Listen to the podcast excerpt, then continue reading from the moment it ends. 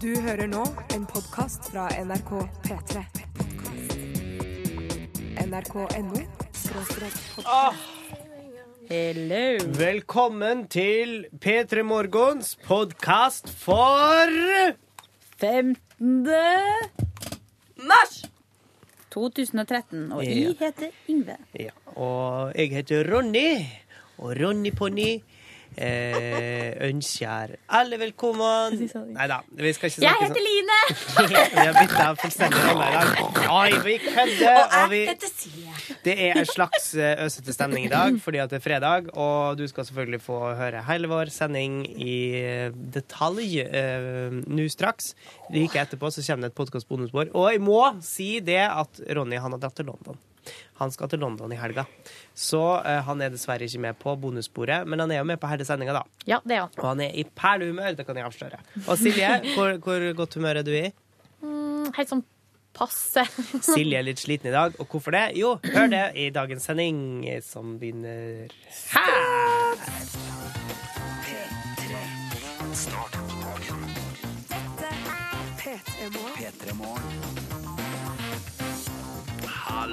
Hallo! Jeg har fått meg kaffe, jeg er fornøyd.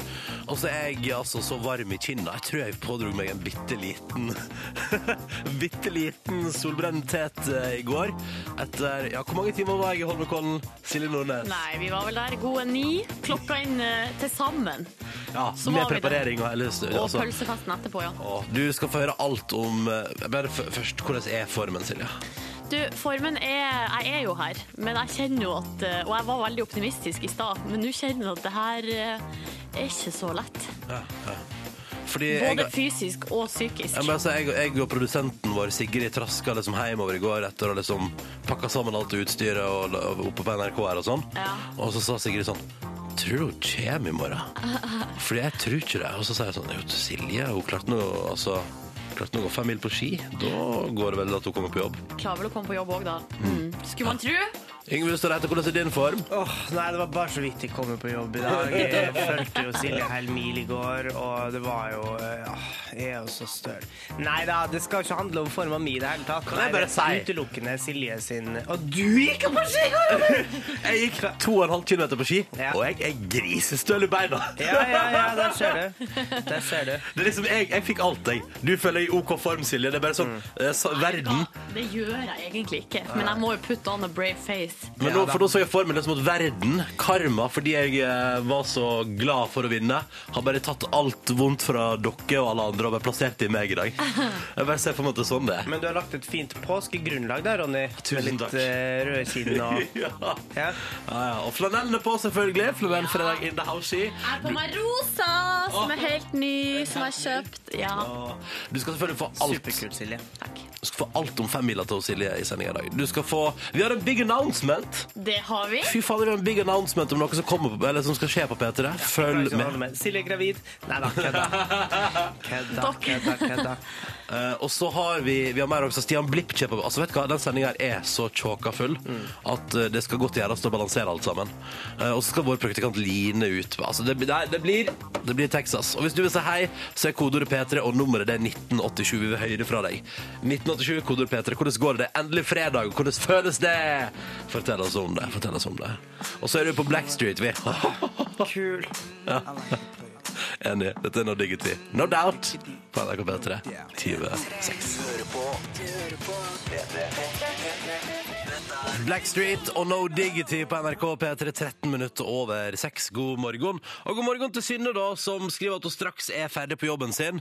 Eh, nattskiftet, da, antar jeg. Eller så er det en veldig rar jobb. Hvis det ikke er, altså, ja, For da jobber rundt hvis det ikke er Altså, OK. Greit. Og så skriver hun at humøret ble litt bedre når vi kom på lufta. Veldig hyggelig, Synne. Takk for det, og god flanellfredag og god helg. Eh, Og takk for at du er med oss. Takk for melding også til kodord P3 og 1987. Synne ønsker jo også en god dag til hele Norge. Det liker jeg. Sa du det i stad? Nei, nei, nei, nei, nei, jeg gjør ikke det. Og så er Elisabeth som skriver Joho, god flanell fredagsmorgen.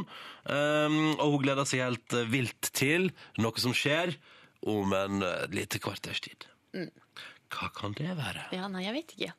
Ikke jeg heller. I don't know. Nei, nei, Følg med. OK, OK. Um, vi eh, håper at du har en fin, fin morgen, uh, og at det går bra med deg. Uh, og så skal vi være her fram til ni og passe på deg i dag. Og være holde med selskap. Og så har jeg fått fredagen blir fin. Tror du at du klarer å komme deg opp på et slags eh, flanellfredag-nivå i dag, Silje? Nei, jeg vet, jeg er litt usikker. Ja. Ja, kanskje rundt halv sju at jeg klarer å crank it up. A notch. Vi får se. Aller først nå på NRK P3 skal du få Tigeren Sarah. Closer. Du hører på P3. Jeg syns jeg er så fin, altså. Herregud. Dette der er altså da eh, ny musikk fra Linnea Dale, som var Donkeyboy Linnea, men som slutta sa hun skulle klare seg på egen hånd, og nå har hun produsert altså A Room in a City. Nydelig låt som du har fått på NRK P3 i P3 Morgen. Ett minutt over halv sju. På tide å sjekke inn med nyhetene. Ingvild, god morgen. God morgen. Og det er fredag, endelig fredag. Hva skal du i helga? Sove. Og så er det sånn eh, tulldag i Trondheim i helga. Hva betyr tulldag? Det er masse salg. Kom det på tulldagen i Trondheim Ja. full action. Ja. Åh, men uh, før du kan gå på tulldag og sove, så er det altså nyheter på NRK P3. ja. Det skal handle om yrkesfag i dag òg. Ja, for der har det skjedd noen endringer. Ja, I går kom nyheten om at de skal veksle mer mellom skole og praksis. Og i dag kommer nyheten om at de som har gått yrkesfag, skal slippe å gå det der påbyggingsåret hvis de vil videre på høyere utdanning. Oi, hvordan skal de få til det, holdt på å si? Ja, det blir sånn at man, hvis man kan gå på et fag som ligner litt på det man har tatt før. Eh, så hvis du har gått elektro, så kan du bli ingeniør. Har du gått eh, landbrukslinja, så kan du fortsette på Høgskolen i Ås for å bli eh, enda flinkere til det, da. Ja. Smarte greier. Ja. Andre ting som opptar P3 Nyheter utover dagen i dag. Ja, i Syria. I dag er det to år siden opprøret der starta. Eh, Mange trodde at det kanskje kom til å ende sånn som i de andre landene, der man ble kvitt de som styrte, i hvert fall. Men eh, Bashar al-Assad han sitter jo fortsatt ved makta. Over én million er på flukt, og eh, 70 000 er da drept på to år. Så det, den saken følger vi i dag. Uh, Ingvild, du er på plass klokka sju. Vi snakkes da. Ja. Det er vi. Hei, ja. Ja, Silje. Ja, Ronny? Hva tenker du? Eh, hva du mener Hva tenker du? Jeg mener, eh, eh, jeg tror ikke vi har noe valg, fordi jeg prøvde meg jo på å spille noe annet forrige fredag. Det var ekstremt dårlig stemning. Var det? Ja. Hvordan da? Nei, jeg fikk jo beskjed om at jeg hadde ødelagt eh, P3 Morgen på et vis. Men det var jo, det var jo kvinnedagen. Det var unntakstilstand, ja, Ja. så jeg, ikke, jeg kunne ikke gjøre noe annet. Men eh, i dag tror jeg vi må bare kjøre på Mm. for å gjenopprette uh, Tilliten. tilliten. Ja. Er du der ute klar? Du som hører på. Og du vet hvordan dette fungerer. Vår fredagstradisjon. Vi har holdt på med det nå. Herregud, holdt på det i mange måneder. Rundt halv sju hver fredag så spiller vi en viss låt. Og vi gjør det så lenge appreciationen er på topp for den. Så du, hvis du hører på nå, og elsker og er klar for flanellfredag, at det snart er helg og litt feststemning, så sender du tekstmelding P3 til 1987. Hvem er du? Hvor er du? Hva gjør du? Og hvor hardt elsker du at vi spiller antikk med Åpa Åpa hver eneste fredag? Rett over halv sju! Du hører på P3. Det er altså så fredag med den låta her, og det merker vi i SMS-innboksen også. Dette er bra, folkens. Her, for eksempel, herregud, trøtt som en strømpe på badet, men klarer ikke å stille. Dette er konge, står det i tekstmelding her. Elsker det.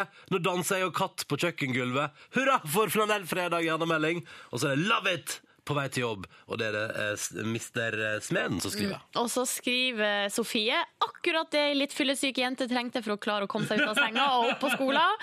Eh, og Stjernesmeden han skriver kjære dere, i dag var det frem med sololje, brylkrem og kremhvite sko igjen. Gir varme i 13 kalde Oslo-grader.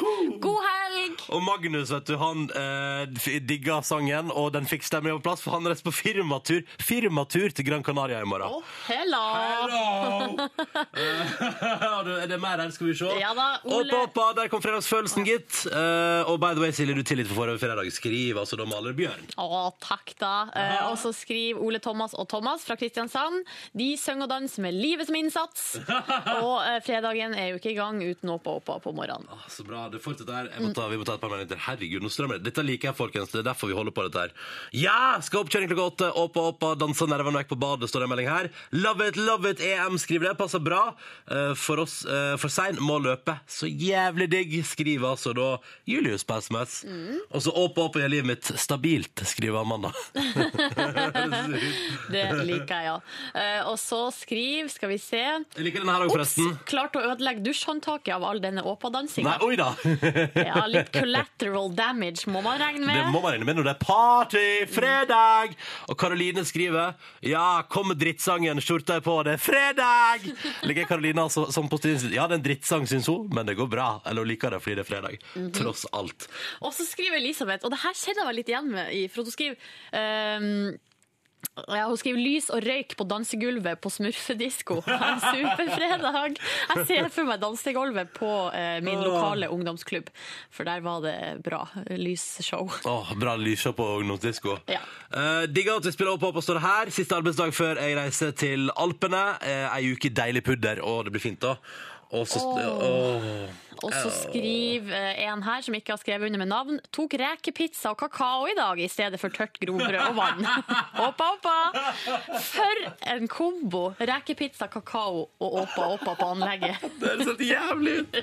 Unnskyld meg. Og så her, her er det en som har fått ødelagt morgenen. Her står det 'Tunnelfaen'. Snakk om å ødelegge morgenen min. Ja.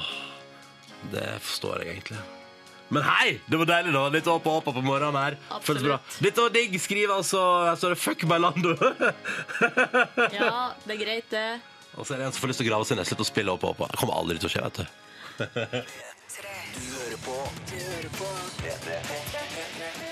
Sitt som ei kule der, da. Hæ? Fuck you av Maria Mena på NRK P3 i P3 Morgen. Når klokka nå er 13 minutter på sju, god morgen og god fredag, for det er endelig fredag. Ah, og Vi skal ta en titt på avisforsiden denne fredagen. her eh, Hva de velger å prioritere på sine forsider. Jeg tenker sånn Saka om Abba Agnete på Dagbladet som snakka ut etter 22 år, er litt sånn Det er gammelt nå, altså. Ja, men det er jo både eh, Agneta fra ABBA og to eh, Bjørn Wirkola. Ikke Tommy Wirkola, men Bjørn Wirkola. Bjørn Wirkola, ja. Han var Eh, hopper en gang i tida. Det var han som sørga for uttrykket 'å hoppe etter Wirkola'. Ikke sant? Mm. men denne den her ABBA-Agneta-saken det er jo basert på Skavlis, som kommer i Å, kveld. det er Skavlis i kveld? Ja. Følg med der, da, så får du sikkert alt om det. Eh, Aftenposten kårer Norges 50 beste fotballspillere uh, i Eliteserien. Uh, og han eh, Magnus Wolff eh, Ekrem i Molde er altså på førsteplass. Han syns Aftenposten er den aller beste her til lands. Ja. Har du noe Jeg må si, kan jeg være 100% ærlig, at når jeg ser over lista, så er det altså så mange jeg aldri har hørt om før. Men er det noen du har hørt om før? her, da? Ja, han Tariq eh, har jeg jo hørt om. Ja, hva på, er han på da? eh, han er på tredjeplass. Ja. Um, Christian Grindheim har jeg hørt om. Han er på åttendeplass. Han har ikke jeg hørt om. Han er på Vålerenga. Ah, kult. Eh, Så jeg bare, det her eh, det gir meg et eh, varsko, holdt på å si, at jeg må følge litt mer med i Det- norsk eliteserie. Det, kan, det eneste jeg kan vet om han Magnus Magnus Wulf Ekrem eh, på førsteplass der, er at vi en gang misforsto og trodde han hadde sendt tekstmelding til Peter Morgen, men så var det bare en som heter det samme. Det er så flaut! Vi bare oh yeah! Yeah! Vi har fått melding fra Magnus Wolff Ekrem. Eh, Det var jo kjempekoselig melding fra han det var fra. Ja, Men det Så- var, det var nok bare en annen Magnus Wulf. Ja, Men vi Smell. trodde det var fra han Molde-spilleren, ja. Og så har du hengt deg opp i f- forsida til VG i dag. Ja, det er VG som breaka denne eh, saken, som jeg er altså helt eh, Holdt på å si eh, Det er utrolig interessant. Fordi det viser seg jo For det har jo vært eh, saker som har versert om den her såkalte Justin Bieber-svindleren. Som sitter borte i USA, eh, og som er norsk, og som, eh, som risikerer 20 års fengsel og botbøter og alt mulig. Så har vi jo ikke visst hvem det var for noen. Og nå har VG Jeg har ikke visst hva det var for noe engang. Jeg Jeg har ikke fått med meg den saken der, jeg. ja, den har vært på alle nettaviser. Det er lenge siden. Nei! Det har vært hver eneste dag de siste ukene. Ronny, Ronny, Ronny. Det er vel når du ser Justin Bieber, så blokker du ut. Jeg lurer på det. Ja, er du en av dem, ja? Kanskje lite grann. Ja. Men det er lov, det, altså. Men det er, saken handler om at det er en norsk fyr som har eh, vært borte i Los Angeles, eh, posert som en norsk, eh, norsk Hva det er han er? Altså, som å være eh, eksklusiv bookingagent for Justin Biebers turné i Skandinavia. Har han eh, utgitt seg for å være. Eh, og så har han altså lurt en investor til å, eh, til å på en måte investere en million dollar i det her, altså ca. 5-6 millioner kroner. I, I den skandinaviske turneen til Justin Bieber. Ja, eh, og, da- og det her skulle han investoren få liksom 50 millioner tilbake for. Altså sånn, ja, det, var, det her er store penger. Og så viste det seg jo at det er bare tull. Ja. Bare At det er en liten nordmenn som fer med fjas. Ja, men det som er interessant her er jo at han her, eh, Justin Bieber-svindleren, er jo en tidligere storsvindler i en annen sak. Det er han unge gutten som er 21 år fra Follo, han heter Walid Ahmed, eh, som det var stor ståhei rundt da han eh, var sånn her gründer. Ung gründer som skulle ha, ha sånn her eh, miljøselskap, Ja. husker du det? Stemmer. Og det var kronprinsen beit på, Trond Giske beit på, alle beit på. Eh, og så viste det seg jo liksom etter hvert, eh, korthuset raste jo fullstendig sammen. Eh, der det viste seg at det var ikke så flott det her Grønt Norge, det selskapet som de hadde Du, bygd opp. har ikke vi laga P3-dokumentar om det? Jo, Ja. det har Asbjørn, nei, Vebjørn Espeland. I, her i P3 har jo lagd dokumentar om han her gutten, som heter Millionbløffen. Wow, hell house, Den må du sjekke ut. og så viste det seg jo, og det har jo også VG bilder av, at han her han har jo brukt bildene av seg sjøl og kronprinsen og bildene av seg sjøl og Giske når han har vært borte i, Los Angeles Look, og altså- skima. Hvis du, hvis du er investor, da, og en fyr sier Look, this is a photo of me and the prince of Norway. Want to invest in Justin Bieber tour? Og folk bare ja, ja, ja, ja, ja. Hvis prinsen Norge down, er down. Men han sier jo, han som blir lurt her, er at eh, Los Angeles er full av sånne folk som eh, holdt på å si det, sånne folk som driver og svindler og lurer. Men at han her var annerledes, da. Når han kommer og stiller opp med et personlig brev fra Obama som sier sånn 'du er en bra type', så hva skal han si? Eh, det var veldig Obama har blitt lurt også. Ja, men kanskje brevet var falskt, da. Det vet jeg ikke. Det er en spennende sak, i hvert fall. Og nå sitter han i fengsel, og han risikerer 20 år i amerikansk fengsel. Ja, ja. Da er det 20 år til neste gang man slipper, eller trenger å bekymre seg for at det kommer en hyggelig fyr og vil at du skal investere i ting. Ja. Uh, I alle fall han, da. Men det fins jo andre der ute, som sagt. Det var avisforsiden i dag, det. Det fins jo andre der ute. Det finnes andre der sagt. ute. Vi spiller TLC vi på en fredag. No Scrubs, åtte, straks sju minutter på sju. God morgen! God morgen til deg. Fire minutter på sju. Dette her er P3 Morgen. Uh, og her spør jo Nina hvordan gikk det på ski i går, Silje? Du, uh, jeg gjennomførte. Det eh, gjorde jeg. Men eh, om det gikk, hvordan det gikk, det gikk ikke så bra. det gjorde jo ikke det. Og du skal få full oppdatering utover morgenkvisten her på NRK P3. Og vi har en video som ligger klar, som du skal få på internett etter hvert også. Så altså, vet du hva? Det, du skal få value uh, for skigåinga til Silje Nordnes etterpå. Jeg ser at Bård her spør om jeg er støl i dag. Uh, ja, jeg er ganske stiv og støl, og jeg blir på en måte bare mer stiv her nå, har jeg sett, Ja. for hvert sekund som går. Silje, som vanligvis er tilhenger av å stå og lage radio, har i dag satt ned veto. Vi sitter. Ja. Uh, og så har du òg gitt beskjed på forhånd om at det kan hende du ikke er helt med i hodet i dag. Ja, fordi jeg er utrolig Eller sånn, det er et eller annet Kroppen, både psykisk og fysisk, er helt i ulage. Men mer om det etterpå, altså. Lover. Uh, P3 til 1987 hvis du har noe på hjertet i dag. P3 Morgen er fram til ni og har mye på agendaen. Men akkurat nå, fram mot nyhetene, deilig musikk. Skru opp lyden og kos deg med Alfred Hall. Dette her er Safe and Sound. Eh, god morgen og god fredag. Flanellfredag, om du vil. Du bestemmer sjøl. eller det, vi har gått for flanell. Tenk at du fikk på flanell også i dag, Silje Nordnes. Jeg la det fram i går kveld, for jeg visste at eh, morgenen i dag kom til å være eh, hard. Ja, ikke sant. Uh, Ingeborg, kom inn i studio. Det skal handle om geit i musikk igjen. Ja, eh, det skal, Nei, det ikke skal egentlig geiter. ikke handle om geit lenger. Det skal handle om Taylor Swift. Det, det er ok, det, jeg omformulerer meg. Det skal handle om den tidligere geitelåta til Taylor Swift. Ja, eh, fordi den har jo gått viral. Det- Vi husker jo alle sammen Skrikegeita, som Ja. høres ut som ei voksen dame som hyler. eh, og vi husker jo alle sammen, og alle som har fått med oss at noen har klippet inn eh, hylelyden fra geita i Taylor Swift-sangen I Knew You Were Trouble. Yes, Um, I remember that. Ja, og det er jo få, eller eh, det er i hvert fall ikke så mange som har via den eh, sangen der så mye oppmerksomhet som oss. Blant annet klippet inn babydovendyr mm. og, og forskjellige andre ting som, som kunne passe inn i den sangen her, da. Og det her har selvfølgelig inspirert våre lyttere eh, til å delta i, i, eh, i denne Taylor Swift-festen. Og klippet inn eh, henholdsvis både Silje og Ronny. Det er to forskjellige, helt uavhengige parter som har Ja. sendt oss lyd i løpet av den siste uka. Veldig hyggelig. Ja, Megahyggelig. Lyd eller video? Eh, Silje, du har fått video av deg sjøl? Jeg har fått video av meg sjøl. Det er Taylor Swift-videoen der jeg har altså blitt klippet inn. Så fornøyd med det. Ja. eh, Jeg vet ikke hva vi skal høre på først. For jeg har en eh, Altså, Ronny det ligger en, Jeg tror det ligger på YouTube, det òg, men det, det er ikke en video. Da. Det er bare et bilde av Ronny som smiler. Oh, just, det er og så på YouTube lyd også. av eh, Taylor Swift som synger mens høre på? Ronny skriker. Eh, ja, det kan vi bare gjøre. Her er altså Taylor Brede Aase.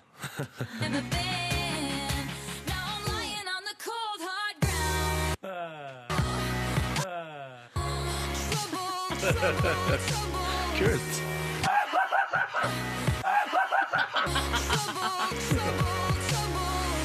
Jeg innser at jeg lager mye lyd. Det lager mye forskjellig lyd, Ronny. Eh, og det her er Knut Ivar Mjelve, eh, som, oh. altså min gode venn, som ofte sender inn Knut Ivar, da. bidrag til, til Petremorgen. Mm. Og til meg så er det Tor André som har sendt inn, og han har jo da også lagd en video. Foreløpig så ligger den bare på sånn her SkyDrive, eller hva det er for noe. Så jeg vet ikke om vi Vi, får, vi prøver å slenge det på YouTube. prøver å få det til på et vis, eh, men han har lagd video, og jeg kan si allerede nå at lyden av meg er fra da jeg skulle kjøpe Justin Bieber-billett. Um, skal vi høre på det? Er klar, jeg. klarer det. Walked Ja. Denne sangen kjenner vi fra før. Du, Er det video til Taylor Swift der òg? Ja, ja, er, det så- ja. er det så forseggjort, ja? ja? OK, nå skjer det noe. Ground.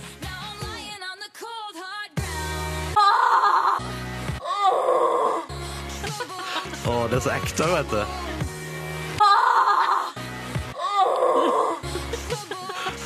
Jeg liker det så godt. Og så er det jo klippet inn da, fra den videoen som som også ligger på YouTube, der jeg driver på med det billettkjøpet, da, der det holdt på å rakne fullstendig. Silje, bare når jeg kom på det billettkjøpet syns du det var verre enn å gå femmil? Verre påkjenning? Nei, nei, nei. Nei, Nei, nei, nei. nei, nei, nei, nei. Jeg har opplevd mye her i livet. Ingenting måla seg med det som skjedde i går. Åh, Michael Jackson 11.7. Og husk at vi har en kunngjøring snart. En veldig viktig kunngjøring. Eh, det kommer noen snacks. Eh, og det blir om en to låters tid. Dette var Lizzie med Shameless. Klokka den er straks ti minutter på halv åtte. Du hører på NRK P3. Det er flanellfredag. Det er fader meg fredag, det er snart helg. Eh, Silje Nordnes har gått fem mil på ski. Det går greit med henne. Ja, Nå tror jeg faktisk jeg begynner å få feber, Fordi nå er det noe som skjer med kroppen. Åh, så deilig at vi skal få, altså, at, det, at vi skal få downfallet ditt direkte på radio dagen Ja. etterpå. Konge. Dere, vi har ei kunngjøring. Vi har altså en stor ting som skjer straks på P3. Uh, vi vil nok en gang ut i verden. Vi vil uh, premiere eh, folk som er nice og hyggelige mot hverandre. Og det handler om samhold, det handler om folk som gjør en liten ekstrainnsats. Vi skal i gang med en ny runde med P3 Skolesessions. Ja, det er det vi skal, vet du. Vi skal ut til en eller annen skole en eller annen plass i Norge. Eh, vi vet ikke hvor, og det er jo opp til deg. da. Du må melde på din skole til denne konkurransen. Du får besøk av to ekstremt bra artister som kommer til å lage altså tidenes liveshow på din skole. Vi vil at du skal gå inn på p3.no og melde deg på. Og så spør kanskje du, da. Ja, men hvem, hva slags artist er det som kommer? Hvem er det som kan komme til vår skole og lage altså tidenes show? Hva skal jeg spørre? Hvem er det som kommer?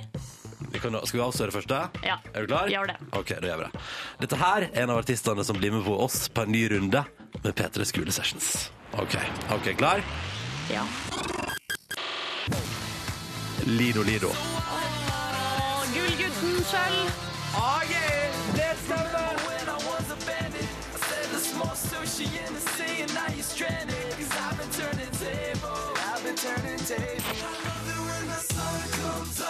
I love it.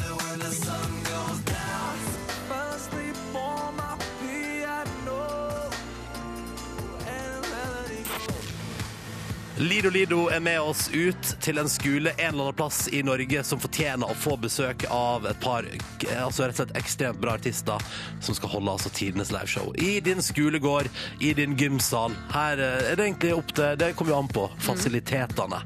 Det er altså da om å gjøre å gå inn på p3.no, meld på din skole og fortell. Eh, temaet i år er har dere gjort noe spesielt for samholdet? Er det good times på skolen? Enkelt og greit. Uh, fortell om det uh, på p3.no. Meld på din klasse, din skole, hvem du vil. OK. Men det er en artist til. Er det flere artister? det stemmer, det. vel. Yes. Hvem er nummer to? Skal vi finne ut av det? Ja. det skal vi. Og dette her uh, tror jeg blir dritbra. OK. ok.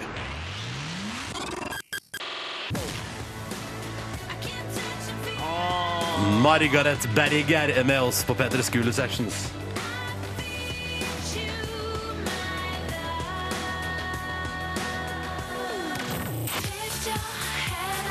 Åh, den låta her, altså.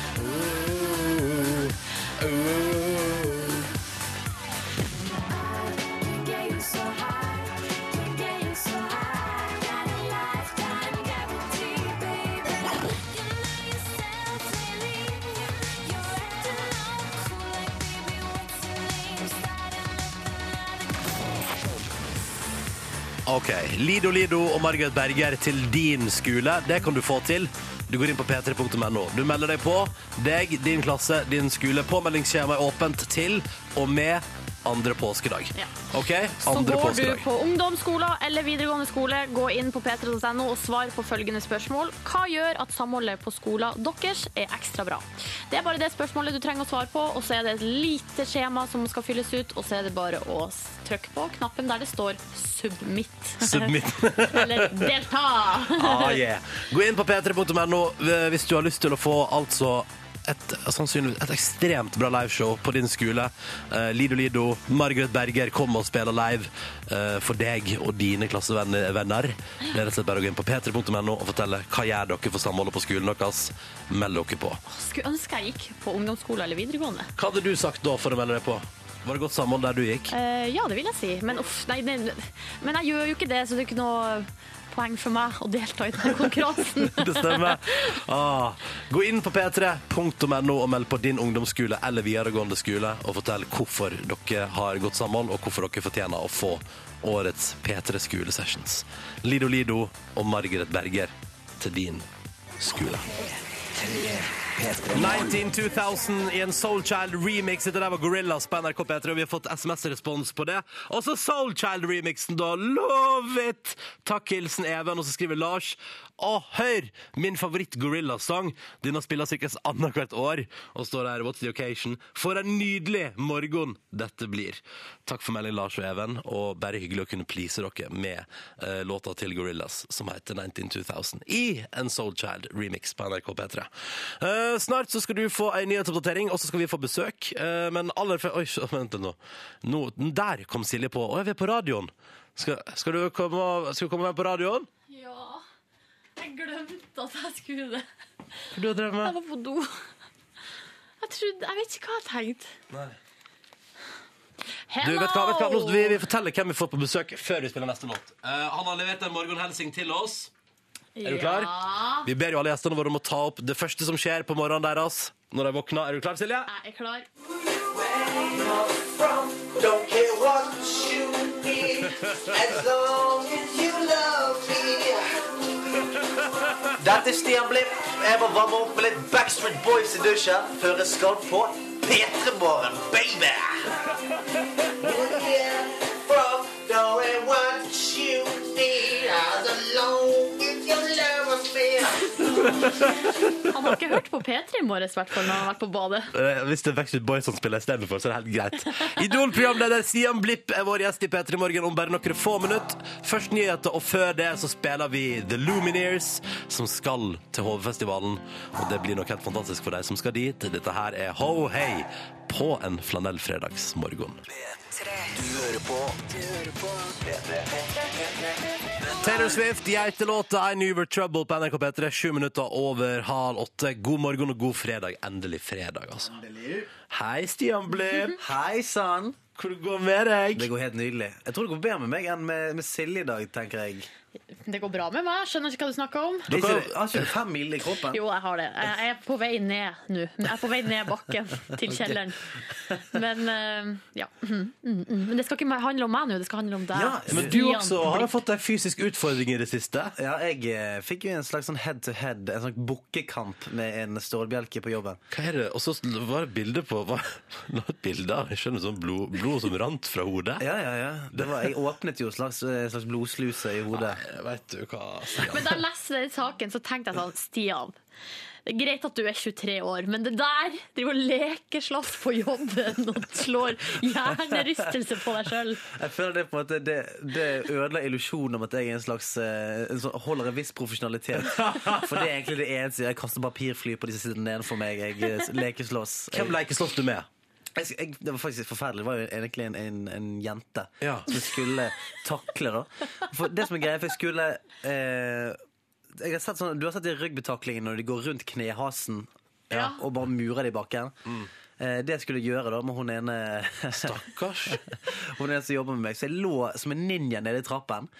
Og så når hun kom forbi, så så jeg bare på knærne hennes, for jeg skulle løpe og skulle, bare, skulle liksom takle henne og ligge henne i bakken. Eh, men så flyttet hun seg, og i og med at jeg har hatt eh, synet mitt så mye nede, så ser jeg ikke den planken som ligger rett overfor hodet mitt når jeg skal på en måte bykse opp igjen. Så da, eh, da traff jeg den planken og ble stående på knærne som har fyren liksom Shawshank Redemption på slutten og bare se opp mot himmelen mens jeg lurte på hvor jeg var. Og så begynte det å piple blod fra Og så hodet ditt. begynte det blod. Hva er det slags miljø dere har på jobben, der du ligger og sniker deg rundt som en ninja? Altså, jeg vil ikke dra andre folk inn i, den, eh, inn, inn i det infernoet, men jeg tror det er jeg som er verst. Altså. Jeg er tolv år på jobben. For jeg, jeg, har, jeg hater å sitte på kontor. Det er det verste jeg vet. Så jeg sitter jeg, kanskje en time maks om gangen før jeg må ut og ha en liten sånn eh, en liten tukt og plage folk. Er det sånn, Og så er det ingen som tør å si noe til deg på all, alt den, alle plagene. For han er jo programleder, jeg må være forsiktig. Jeg må ikke. ja. Det er det som er så greit. Sant? Man, har sånn, eh, man har sånn free pass for å takle folk i bakken og sånt. Han skal være gøyal på fjernsyn, han må nå få lov. Ja, ja. Ikke, ikke gjør han sur. Ikke gjør han sur. Det blir så dårlig stemning på fredag. Ja, ja. Du, herregud, Idol. Det går jo så bra, Blipp. Og det er så gøy! Og du får så sjukt mye bra tilbakemeldinger. Fortjent òg, vel å merke. Tusen hjertelig. Du er jo awesome, mann. Wow, takk skal du ha. Ja, Nå er, nå, nå er det litt sånn rødming på morgenkvisten. det er gøy! Nei, men jeg, synes jeg blir utrolig takknemlig for, uh, for så mye skryt som jeg har fått. Altså, folk er altfor snille. Uh, men det som jeg syns er gøy, er at uh, for eksempel inne på Twitteren min, eh, så er det sånn Det er fine ting. Altså, det er sånn heaven or hell. Det er enten jeg har lyst til å gifte meg med deg, eller så er det jeg håper du detter av scenen og dør.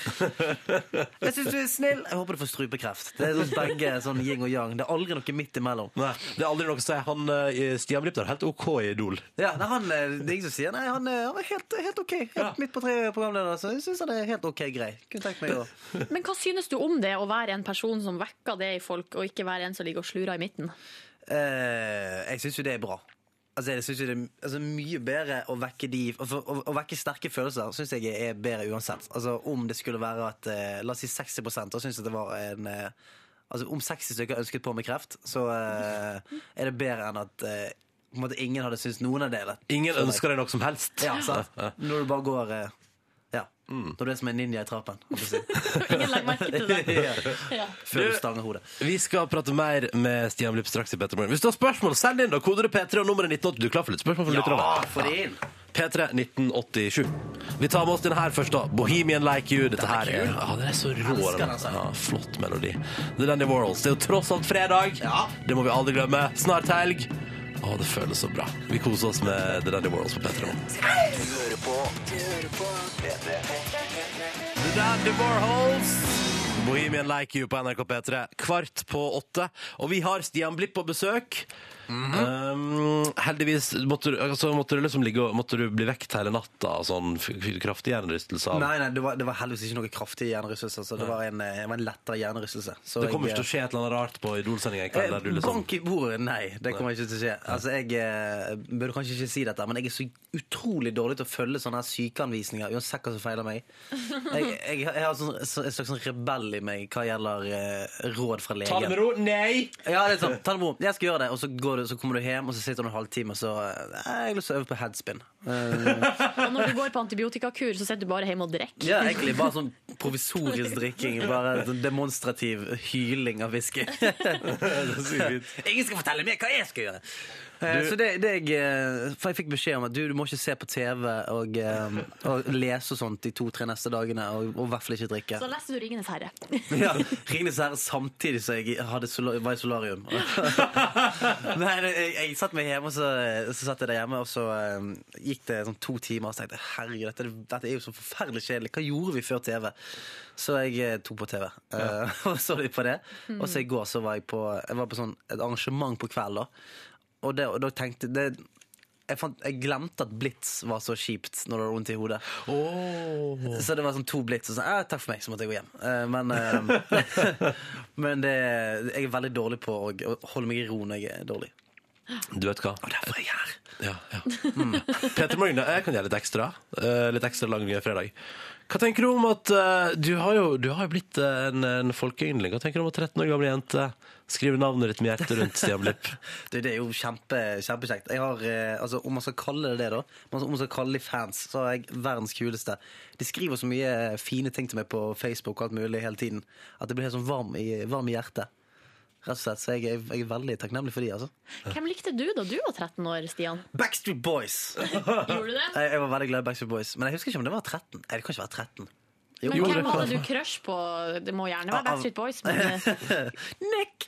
Eh, en av jentene. Ja. Eh, hvem hadde jeg crush på, da? Jeg eh, syns jo eh, eh, Jeg husker faktisk ikke hvem jeg syns var, eh, var pen. Men jeg er 13. Det virker som det var så lenge siden. Hvem var pen på den tiden? Kan du hjelpe meg? Nei, det var, det var tre år siden. 2003.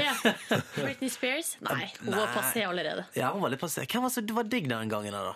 Er det noen som husker noen digge Christina damer fra den Aguilera? tiden? Ja, Aguilera var jo eh, virkelig på sin peak den Hun drev- gangen. ja, for hun drev- Nå har hun det var tatt seg litt- litt. Jeg lov å si det, nå har hun tatt seg litt. Grann. Ja, hun har ikke blitt gammel, hun da. Nå har hun est. Nei, men hallo, dere. Hun har jo est litt. Nå, jeg, går vid jeg går videre. Du, eh, Stian, du har en drøss med halvsøsken. Ja, det har jeg. Hvor mange? Fem. Fem. Hvordan bror er du? Jeg er, jeg, jeg var, altså, jeg er han som eh, Jeg er på kontoret. Jeg liker å leke og slåss. Eh, jeg, jeg har faktisk puttet min eh, søster i fryseren en gang. Hæ? Yes. Why? Nei, hun oppførte seg Hun svarte, da, kan du si. Så da måtte du sette henne på plass. Jeg måtte, ja, eller sitte i frysen, da, så vi, som vi kalte det på den tiden. Nei, men jeg, jeg, jeg, jeg var en litt sånn fanivoldsk bror, men jeg, jeg, jeg, jeg passer altså, Mine søsken er jeg mer glad i enn noe i verden. Altså, altså, så jeg passer veldig godt på dem. Og min søster har nettopp blitt uh, Hun har nettopp blitt 17 år. Hun er eldstesøsteren min, og det er så fucked up. det Jeg har ikke bodd hjemme i Bergen på tre år nå, tror jeg.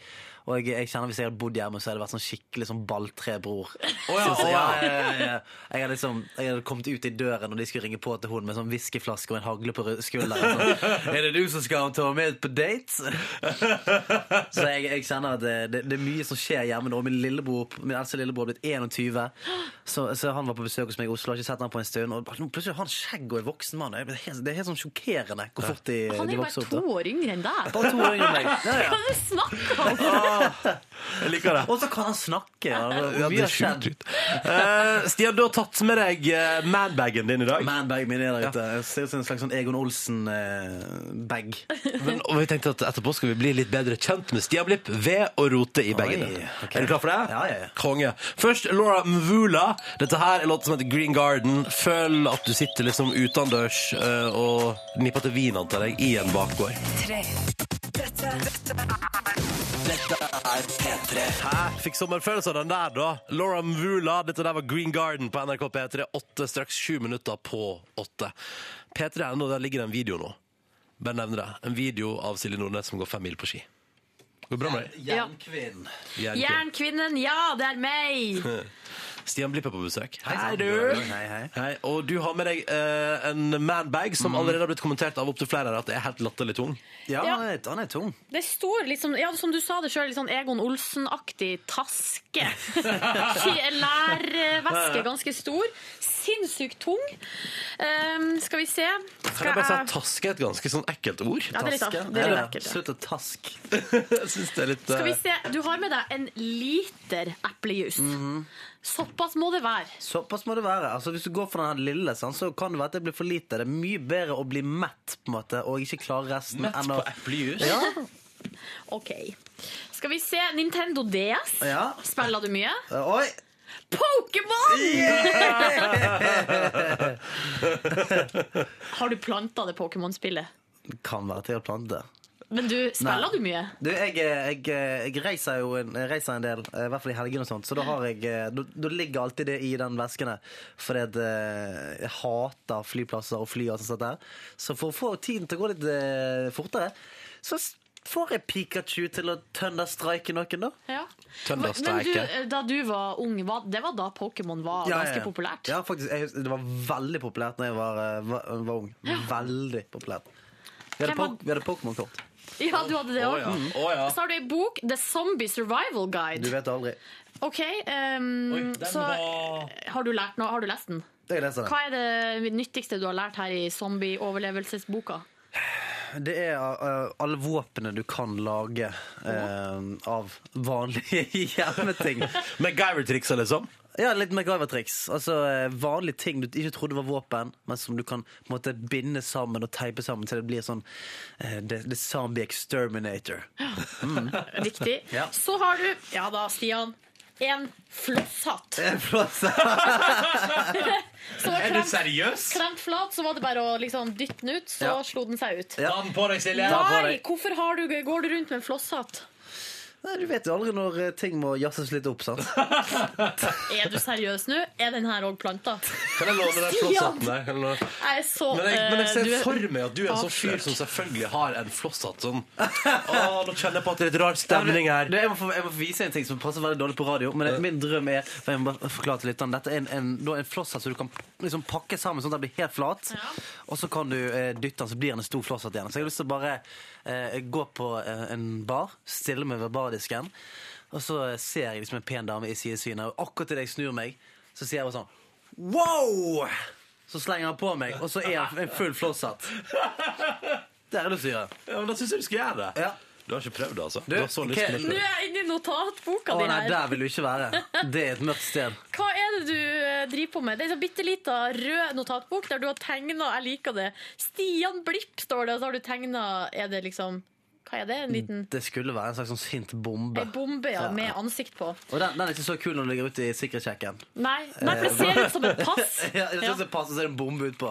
Bombepasset mitt! Men hva er det du bruker denne eh, boka til? Du, eh, den, er, den er litt gammel, den har ligget en stund. Det, da skriver jeg ned eh, forferdelig dårlige ideer jeg får eh, overalt. Sånn som det her, her står det.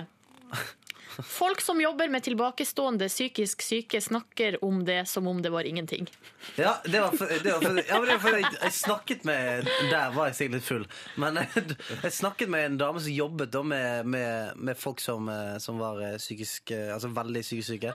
Og da, stod- og da var snakket vi bare sånn Ja, vi hadde en fyr som måtte gå med sånn hockeyhjelm i dag fordi han biter alle sammen. Men uansett, da. Altså, det er bare sånn, de snakker om det som det er bare sånn, Som det er ingenting? Ja, ja. ja, ja. Vi har måttet ha på oss redningsvest i dag, for han fyren prøver å knivstikke folk. Men eh, hva har du gjort i Ellers dag? bra dag på jobben. Ja, ja, det er sånn, wow. Men så står det 'ble slått i trynet mens badet'.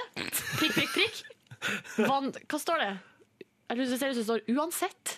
Og så står det Det er en bra idé. Ble slått i trynet med spade. Uansett! Wow, Og så står det helt ut av ingenting her 'Delefunksjon på pornofilmer er useless'. Det er han selvfølgelig. Ja. Ja, hvem, som, hvem som gjør det? Hvem som ser en pornofilm bare Å, denne må jeg! Denne, denne må Facebooken min se! Hvorfor er det en delefunksjon? Hvorfor er det en sånn Twitter-greie på den? Hvorfor er den der? Jeg, jeg vet ikke. Du, men en siste, det, Er det toalettmappa di? Det er en toalettmappe, ja. Jeg skal jo, jeg skal jo fra herfra skal jo være eh, gå på Chateau Neuf etterpå, så jeg eh, Det er bare helt vanlig, Helt vanlig litt sånn guttete toalettmappe. Ja. Det er litt noen hårgreier, så er det en deo, tannbørste og tannkrem. ja, hva, hva savner du? Nei, jeg vet ikke. Nei. Eller så hadde det For du virker litt så skuffet. Jeg er bare så helt vanlig. ja, men, Nei, det, det bare viser at du òg, Stian Blipp, er en vanlig dude.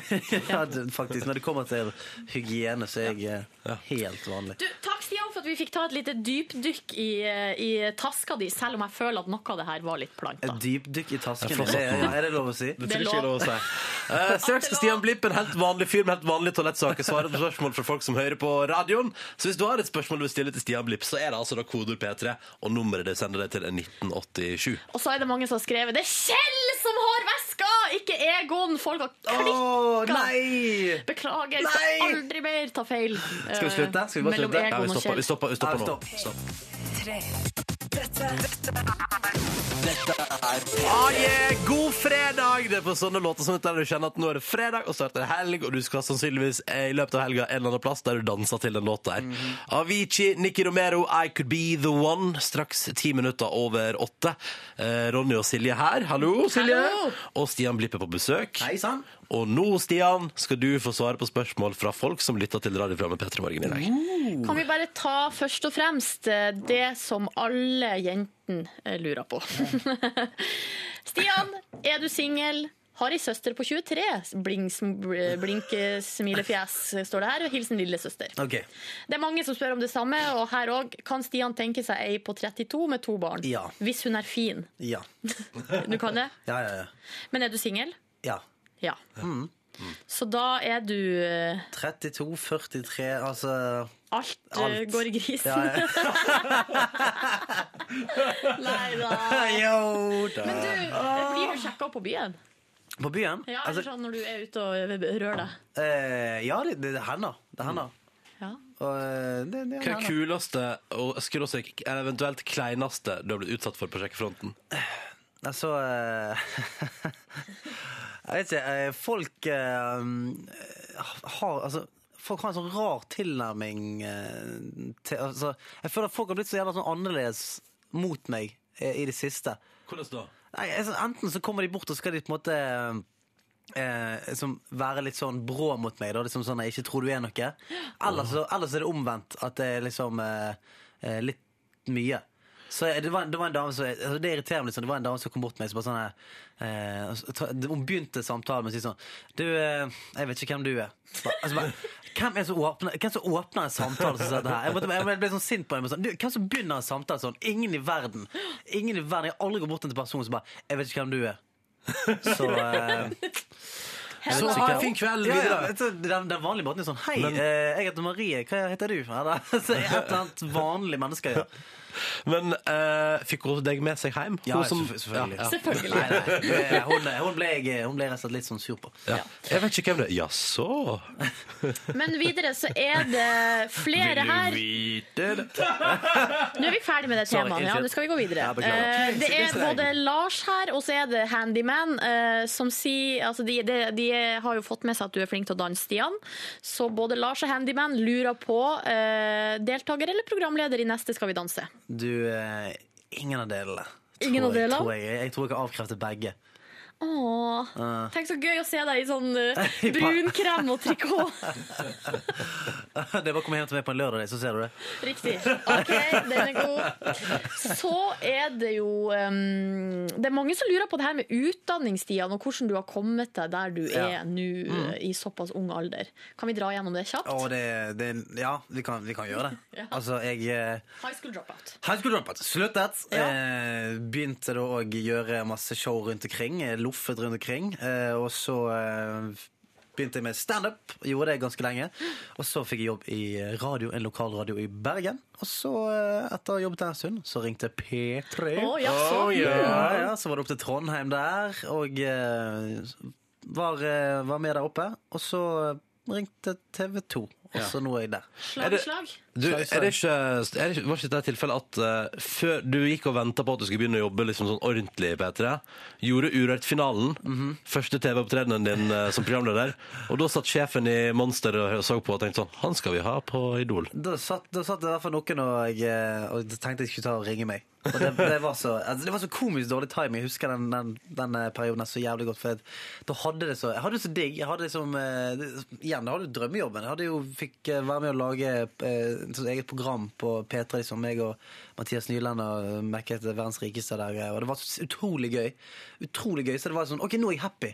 Jeg nå, nå er alt på plass. Nå er alt på stell. Jeg kunne gjøre standup der oppe. Og så, så ringte den telefonen som var så bare fucket opp måte alt. så var det sånn Nei, nå må du ta stilling til noe nytt. Noe. Så jeg, var- jeg, det, det var utrolig gøy, selvfølgelig, men eh, det, timingen var helt forferdelig. Men hei. Men alt, er, hei. alt er vel når du har det bra nå, Stian? Det, jeg har det bra nå. Jeg har Du, det bra nå. du er lykkelig, du? Å, ja, ja, ja. Nå skal du få være med på vår spørsmålsrulett! Eh, Det er vår lille bolle med lapper. På lappene står det tall, og bak tallet skjuler det seg et spørsmål. OK. Åtte. Åtte. Da skal du få spørsmål nummer åtte i vår spørsmålsrett, og det kommer her. Hvilken TV-serie vil du spilt i? Oi! Eh, jeg ville spilt i Suits. Å, bra serie! Yes, det er veldig bra serie. Bra Hvorfor det? Hvorfor ville du eh, passe inn der, tror du? Eh, Og om jeg ville passet inn, det vet jeg ikke. Men jeg, jeg, jeg, Hvorfor ser du for deg sjøl der? jeg, jeg, jeg tror jeg kunne vært en ganske sånn sleazy advokat. eh, Hvis jeg, hvis, jeg, hvis, jeg, hvis jeg hadde lagt sjel igjen hjemme og hjerte igjen hjemme, så tror jeg jeg kunne vært en ganske slis advokat. Og det, jeg, jeg hadde lyst til å bli advokat etter jeg så den serien. Fy flate, jeg hadde lyst til å bare gå og kjøpe meg en dress og en koffert og begynne å studere juss. Men kunne du pulled off eh, dress hver dag på jobb?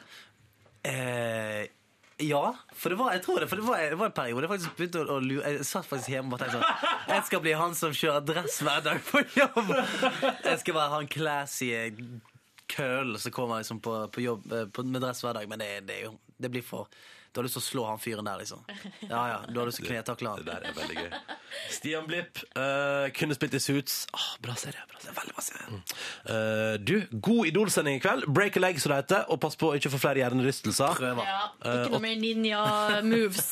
No more ninja moves. Og takk for at du kom til P3 Bare Morgen. hyggelig, var nydelig. Vi spiller ASAP Rocky. Vi spiller Drake og Kendrick Lamar sammen. Den låta er altså så feit. Ah, oh ja, å ja. Dette er Fucking Problems på NRK P3 i P3 Morgen. Du hører på Du hører på P3. Linkin Park og Num på NRK P3 i P3 Morgen. Åtte minutter på halen ni. God fredag, for det er fader meg fredag! Yeah. Ja, Kjemperespons fra de to jeg sitter i studio med her. Si en gang til, Ronny. Jeg vet ikke om jeg vil nå. Jo, kom an. Det er fader meg fredag! Ja da da! Oh yeah! Jazzbombe! Straks helg. Yngve og Silje, vi må prate om det som foregikk i går. Uh, I går så var det endelig tid for utførelse av straff i Yngve sin vinterquiz. Silje måtte gå fem mil på ski. Stemmer det. Stemmer det. Og det her er jo grunn til å hate ikke bare meg og Ronny, eller meg da, hovedsakelig, men òg alle lytterne. For det var dem som eh, kom på at du skulle gå fem mil på ski, Silje. Ja, det stemmer det. Ja. Eh, hvordan er følelsen i kroppen nå? Eh, Følelsen i kroppen er ikke så bra, egentlig. Nei. Eh, Føler at jeg er på vei til å bli sjuk. Ja. Jeg kjente på panna di i stad, og den var Ja. kjempevarm. Og så er kroppen min eh, det, føles, det kjennes ut i kroppen sånn som det gjør når du har feber. Ja. Det er på, altså det er, og det er jeg er stiv nå i lår, rumpe og knær og hofte og egentlig ja, he, Fra liksom hofta ned, da. Ja. Jeg er kjempestiv. Kan jeg bare kjapt bare informere om med en gang? Det ligger nå en video på p3.no skråstrek p3morgen. Vår blogg. Der kan du se video og fotos og høre lyd og kose deg i et slags multimedialt bloggshow eh, om Silje sine fem mil på ski. Ja.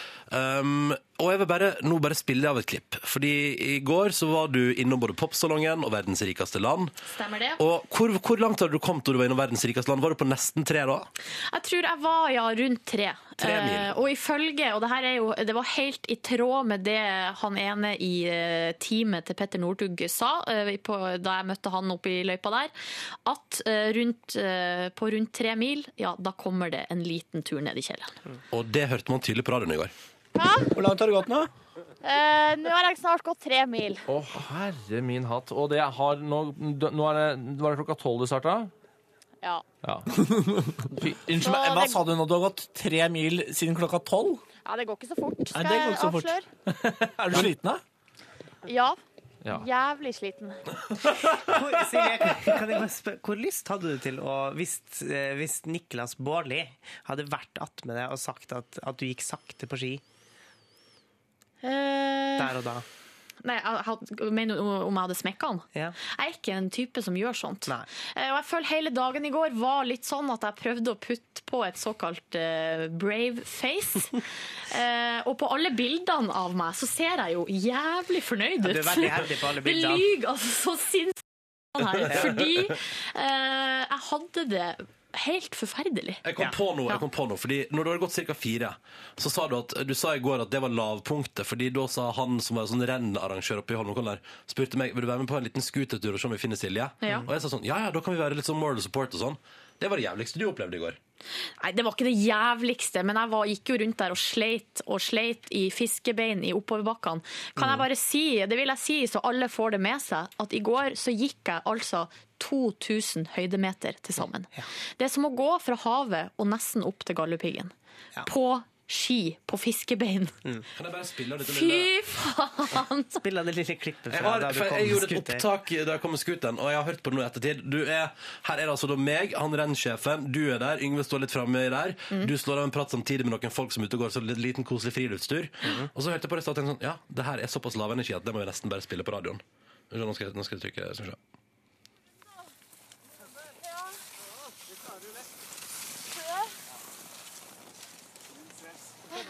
se. Prøve å være hyggelig mot uh, fremmedfolk.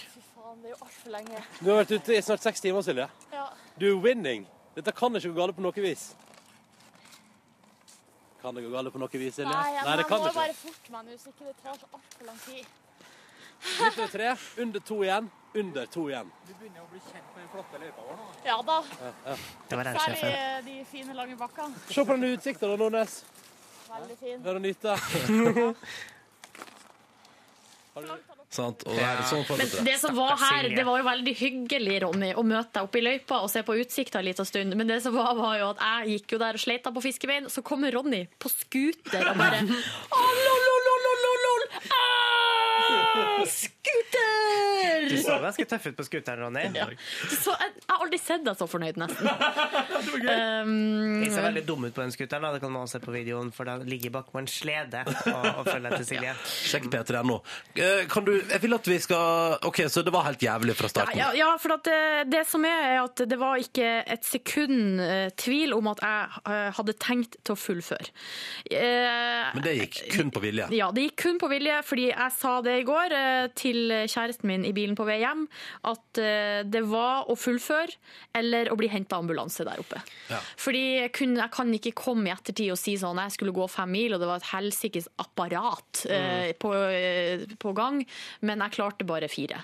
Sånn at eh, det var ikke noe spørsmål, men jeg gikk jo rundt der, altså fra jeg hadde gått én mil til jeg var ferdig med de fem, så tenkte jeg inni hodet mitt det går ikke. jeg Det går ikke. Jeg klarer det ikke. Jeg klarer det ikke. Jeg klarer det ikke. Det var liksom det som eh, på en måte mm, kverna. Det var en viss aktivitet òg eh, på Facebook i går, der bl.a. kjæresten din la ut et bilde. Mm. Og så er det folk som spør henne hvor lang tid brukte du? Og da skriver faren din, og jeg vil sitere, tid er uvesentlig. Silje klarte det, og det er viktigst. Ja, pappa. Takk. Skal vi høre hvordan det hørtes ut når du gikk i mål? Ja,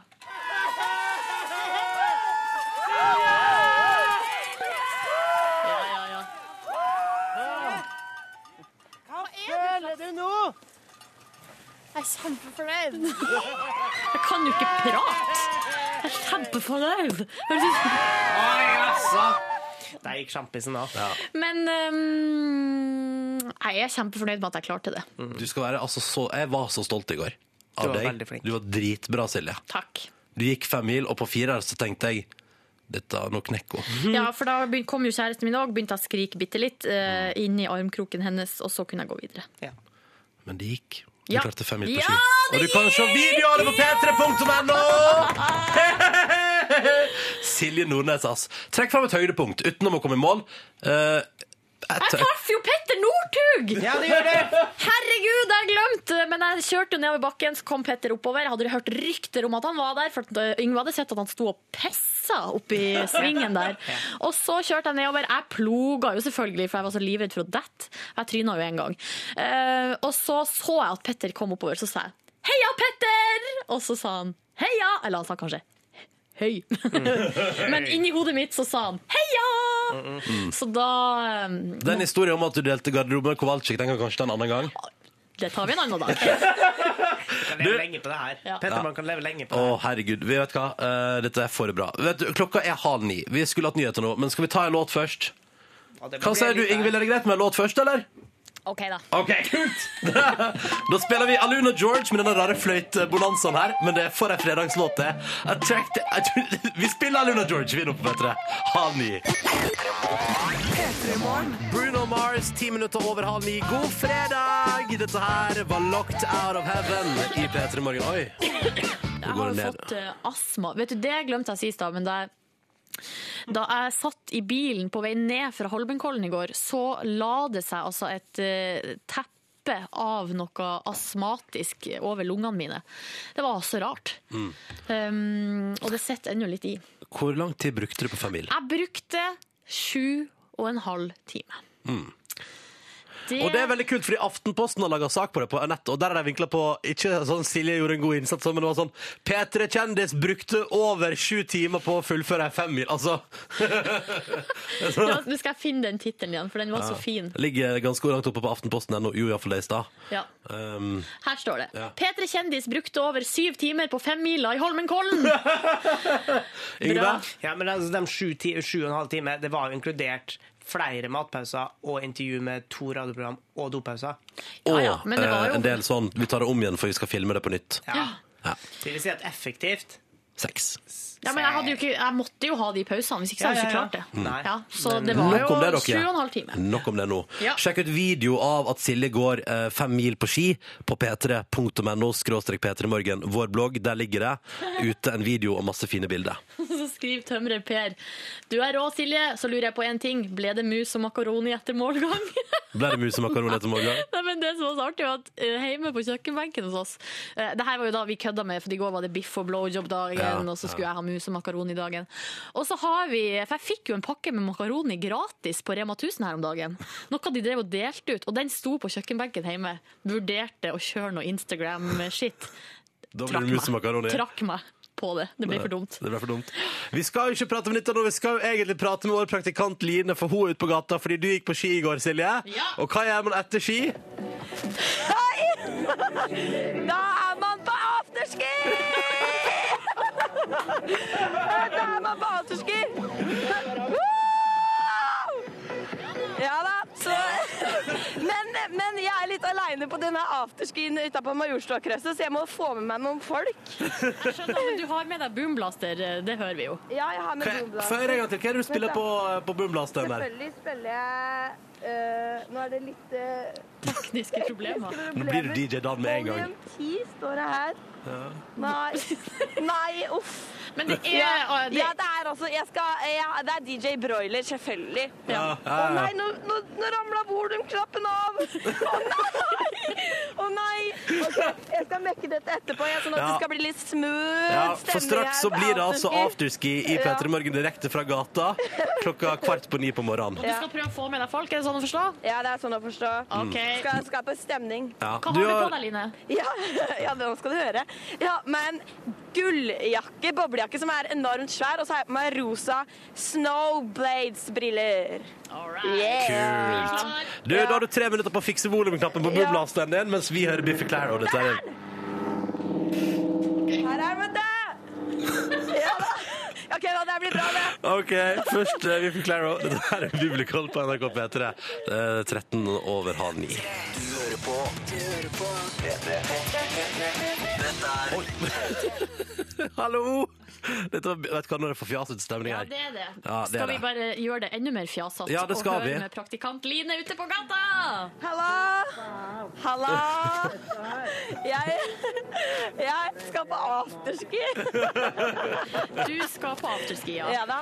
Eh, Så nå må jeg bare Jeg er litt aleine, så jeg må få med meg noen. Ja. Hører hører dere Ja, at det er vi hører. Oh, yeah. Broiler, vil Halla, dere være på afterski! Nei! Nei! Hvorfor ikke? Det er det kuleste i verden! Nei! Nei! Nei! Og vel ikke! OK. Supergal. Halla, her kommer en fyr. Han ser ut som han drev på afterski. Er du med på afterski? Ikke, ikke akkurat i dag. OK, har du vært på afterski før? Mange ganger. Hvorfor vil du ikke være med meg da? Fordi jeg er ikke på fjellet. Å ja, men det trenger man jo ikke være. Man kan være på afterski overalt. Kan du det, altså? Hæ? Ja, men du, jeg skal over dit, jeg. OK, men ser jeg bra ut, eller? Veldig bra. Takk. Og for deg som ikke fikk med seg at du har på deg et slags kall et kostyme, afterski-kostyme, så høres det ut som du bare egentlig er fryktelig opptatt av å få bekreftelse. Ja, ja, ja, nei, men det var jeg sa jo, ser jo helt sykt bra ut i denne gulljakka her, og så har jeg boom blast her med meg. Og goggles på eh, hodet. Ja. OK, nå må du puste med magen din, så ikke vi ikke du Ok, nei, men jeg må, jeg må finne noen å broile videre med her. Ja. Vent litt, da. Hei, Jeg liker at det er party. hei, skal du være med på afterski? Eh, kanskje det. Ja! Hei, hva liker du å gjøre på afterski? Hva, hvis jeg, hva jeg skulle gjøre på afterski? Ja, hva liker du å gjøre? Det blir jo å ta en øl i bakken, da. Oh yes, smooth afterski!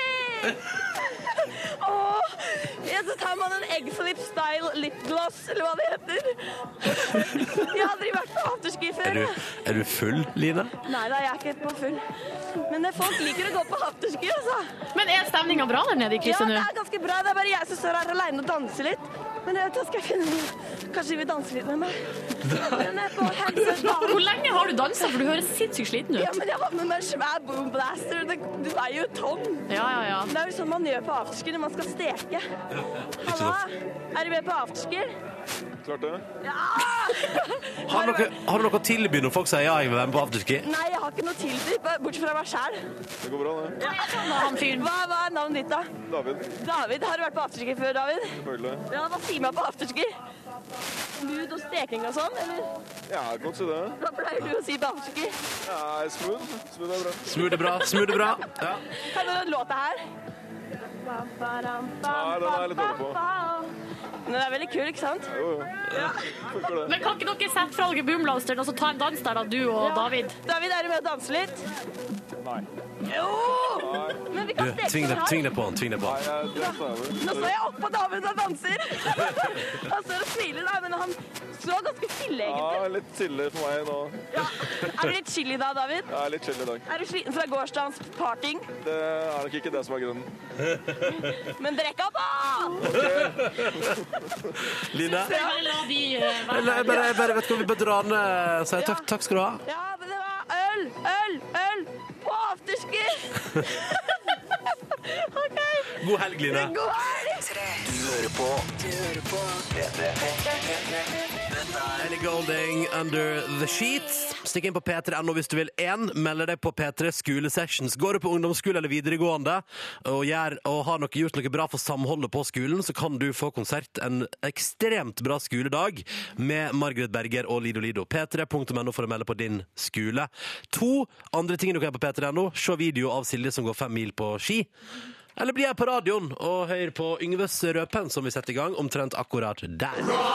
Det spørsmålet er dessverre ikke riktig besvart. Her er det skjebnesvangert å ta feil.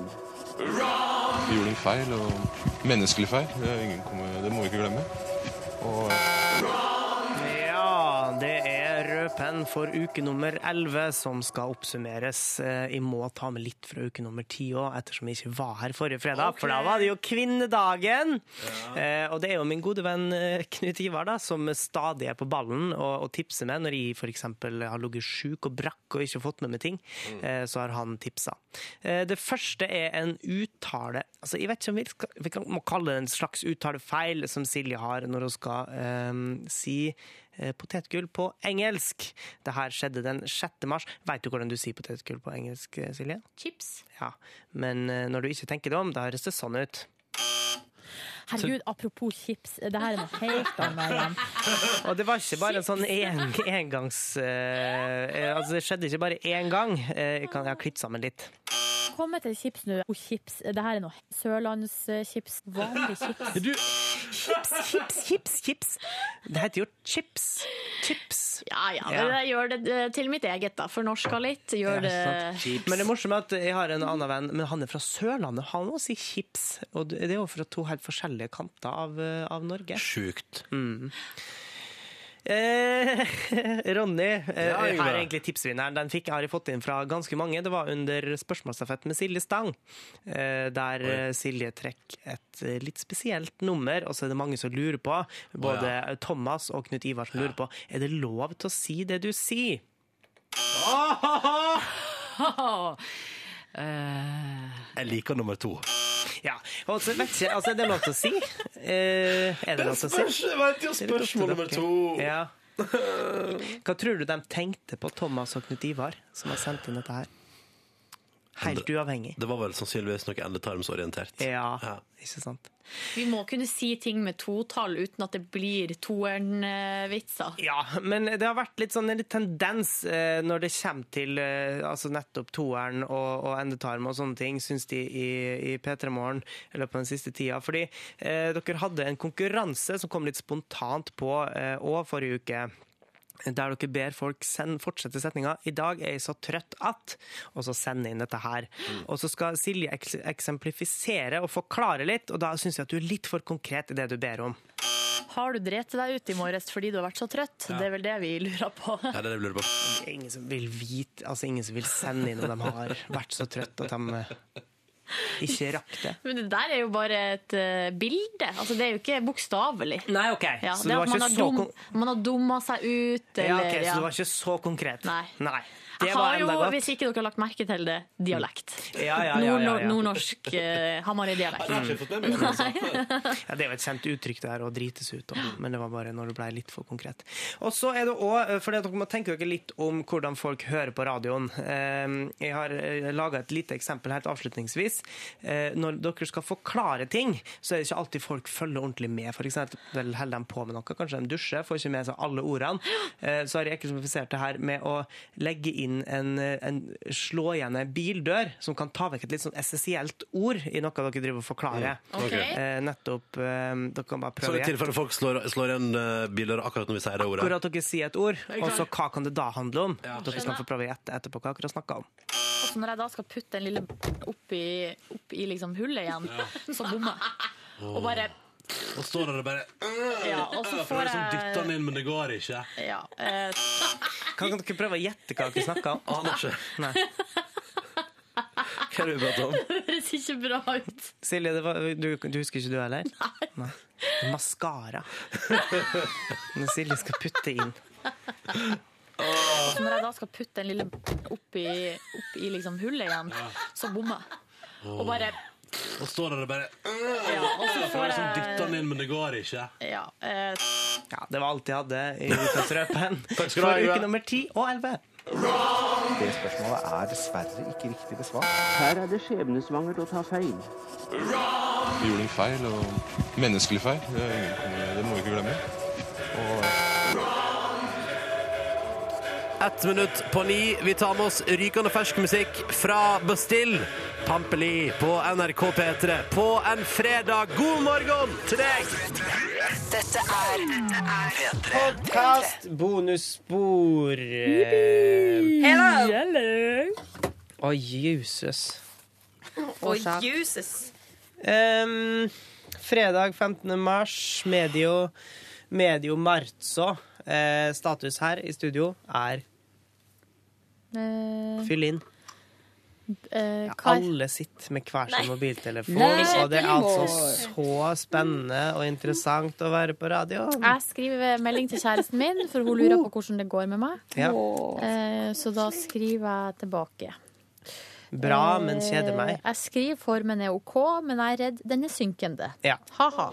For du, du, har catch, du har fått feber. Eller jeg vet ikke hva det er, men det, det føles sånn, i hvert fall. Ja. Fordi hele kroppen min dirrer Mm. av uh, noe rart. Det er alle, det er alle musklene dine som har Tror du, tror du, Silje, når en langrennsutøver, altså proffutøver, aktiv eh, løper, eh, er ferdig med femmila, at han står opp, eller hun står opp, klokka fem dagen etter og går på jobb og sitter der og skravler? Nei. Nei. Det vet jeg jo, eh, at de sover jo så jævlig mye. Det er jo det beste restitusjon. Mm. Eller ja, de ligger strak ute og spiser mat. Mm. Skal du gjøre det nå? Ja, Hjemme Hjemme og spise kyllingklubber? Og... Favorittmaten min, kyllinglår og ris. Mm. Klubber. Eh, Jeg skal gjøre meg ferdig her, ja, og så skal jeg rett hjem og slappe av. Ja. Rett hjem, husker dere programmet med Ivar Dyrhaug? Ja! på NRK1? Nei, hva handla det om? Nei, hva handla det Jeg om? vet ikke, jeg husker det var et slags talkshow med litt sånn aktiviteter i studio. Ja, Der det- du kunne dra en sånn vannbad, og man skulle springe om kapp og sånne ting. Høres dødsbra ut. Ja, det var sånn Tande P-aktig underholdningsprogram. Svært. Svære greier. Svær produksjon. Tenk at Studio Tande P liksom var et, han var liksom et eget konsept. Ja, ja. Konseptet Tande P. bare- Tande på programmet. Jævlig Altså, jeg tok jo på Tande P en gang, fordi jeg var Hei, hei. Uten at den ville det. Jeg var i Bodø. Husker dere Ta sjansen, som eh, brukte å være oppe i. Holmenkollen? Ja. aldri glemme det. Favorittprogram. Ja, når de hoppa eller kjørte om kapp, eller det var sånn eh, om å gjøre å gjøre det fortest og kjøre med sånne idiotiske Båt. båter eller sånne ja. konstruksjoner som de hadde bygd, og så skulle de skli ned unna rennet i Holmenkollen, og så ut på vannet der, og så Mm. pling på en sånn klokke. Og det her konseptet var, gikk jo på TV hvert eneste år på NRK1. eh, og så eh, har jeg inntrykk av at det også var et litt sånn omreisende konsept. Ja. Ikke på TV, men bare sånn Ja, ja, vi hadde eh, det i Kristiansund, vi. Ja, vi hadde det i Larvik også. Ja, som var sånn Ja, her ja. på sommerdagene i Ja. Larvik. Ja, ja, Har dere det- var jo litt sjansen i gøy. Kristiansund? Ja, ja, ja, vi hadde vi i I Vågen. Og jeg var i Bodø, i havnebassenget i Bodø, og der var det lokal Ta sjansen-konkurranse. Ja, deltok du? Nei, men Tande P var konferansier og programleder. Ja. Og da gikk jeg opp ei sånn, eh, du vet, sånn her, eh, litt sånn smal bru som går fra flytebrygge og Ja. opp til eh, kaia. Mm. Der gikk jeg, og da gikk Tande P rett foran meg. Og da bare strakk jeg fram handa, og så bare tok jeg på jakka hans. Bare sånn tok litt på han. Sånn at jeg kunne si etterpå at jeg hadde tatt på Tande P. Og, og jeg var jo kanskje bare sånn tolv år, men dæven, jeg var på. Du var Ja, og vet du hva? Veldig sånn på. Og sånn. Jeg var helt drøy på sånne her ting da jeg var lita. Og drive og stikke trynet mitt fram og Jeg ble- ta på folk. Jeg ble tråkka på bein Altså foten min ble tråkka på av Brita Blomkvist på en butikk i Molde. Nå snakker vi om gamle NRK-kjendiser. ja, hun, var jo, hun leda jo Reiseradioen før. Ja. Eh, og hun sto på butikken. Eh, der i, altså den butikken lå like Men der jeg jobba. Jeg jobba jo på klesbutikk i min ungdom. Oh, Eh, trendy. og så- ja, veldig. Hvilken klesbutikk? JC. Gjorde du det? Ja, ja, ja. Fy faen, den mest trendy av alle. Solgte jeans. Eh, og sa Men jeg, de ikke De var ikke så fornøyd med at jeg jobba der etter hvert. Fordi at Ja, jeg var veldig hyggelig og imøtekommende og sånne ting, men jeg var ikke så god på mersalg, for jeg hater det der når man sier sånn Du skal ikke ha en bokser Ja, til den buksa der, eller er du vil ikke ha et par sokker til. Ja. Så de begynte plutselig sjefen min å gå inn på kassaapparatet og finne liksom profilen min og sjekke hvor mange Nei. varer jeg solgte per kunde. Da. Det sto lå stort sett på 1,1 eller noe sånt. Der Ja. burde det kanskje ligge på 1,9 eller 2, da. Men to er ganske høyt, da. To er altfor høyt. Men altså, jeg òg jobba jo i klesbutikk, og det, det var jo Hvilken liksom klesbutikk jobba du i? Det het Lid. Det var en egen Lid? Ja, en egen liksom privat eh, sjappe i Kristiansund. Du Eh, solgte fake Lead jeans? Vi solgte mye rart. Det var litt sånn som eh, Hva heter den der eh, butikken som alle harselerer med hele tida? Mm. Harselere? Harselere. Harselere? Jeg kan ikke snakke. Harselere med den derre Åh, Jack and Jones. Tøybutikk. Jack and Jones. Ja, Jack og Jonas. Jack og Jonas var det mye bra. Herregud, husker dere? For at Jack og Jonas er det en ting, og så var det merket Cream Jeans som de solgte. Det var uh, jeansmerket som de hadde på Kubus, og det var før Kubus hadde reformasjon og ble litt kult, Mm. sånn som det er nå. Men før så var Kubus jævla nerd. Og da kalte vi Cream Jeans for Krem-Jens.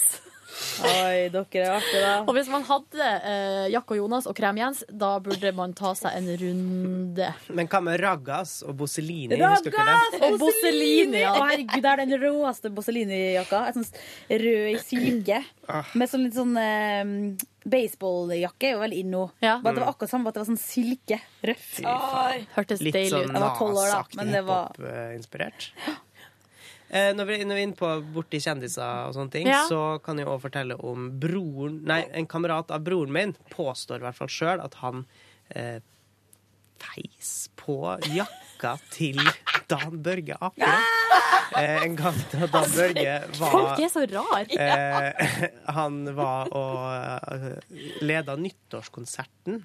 Eh, eller et eller annet sånt. Det var et arrangement på Molde kino eh, der eh, han her kameraten til min bror sto i garderoben. Og da hadde han funnet fram til det han mente måtte være jakka til den Børge Aker, og så påstod han at feis på den. Så rart. Det var det han hadde lyst til. Ja.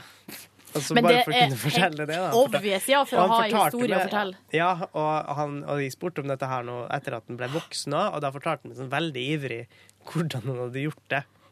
Ja. Eh, og da tror jeg da følte jeg at den bare smurte på. Ja. Eh, for det var liksom av med buksa og alt mulig, da. Men da tror jeg at den bare da Han var litt full når han fortalte det. Nei, eh, så, men da, da tenkte jeg at kanskje det ikke stemmer. Ja, det var litt rart. Tenk å komme opp med den historien. Men du er nesten blitt, Men hvis du har eh, kjent han, så er du ikke forundra det. blitt påkjørt av elgen, nesten. Ja, det har du jo. Ja, og det, det da snakker vi ikke klovdyret. Da snakker vi om Å, selveste elg fra Dance with a Stranger. Ja, også når jeg var russ, så gikk eh, Frode Alnes fra Dance with a Stranger Han gikk eh, tur der jeg var, og da sprang jeg bort. Og så skrev han et smiley face på russedressen min. Ja, kult. Så da hadde jeg en kuk og et smiley face på russedressen. Hvorfor kukken? Folk, det er jo det folk gjør. Vet du. Hvis en får sjanse Ja, til å skrive på russedressen, så er det penis med en gang. Mm.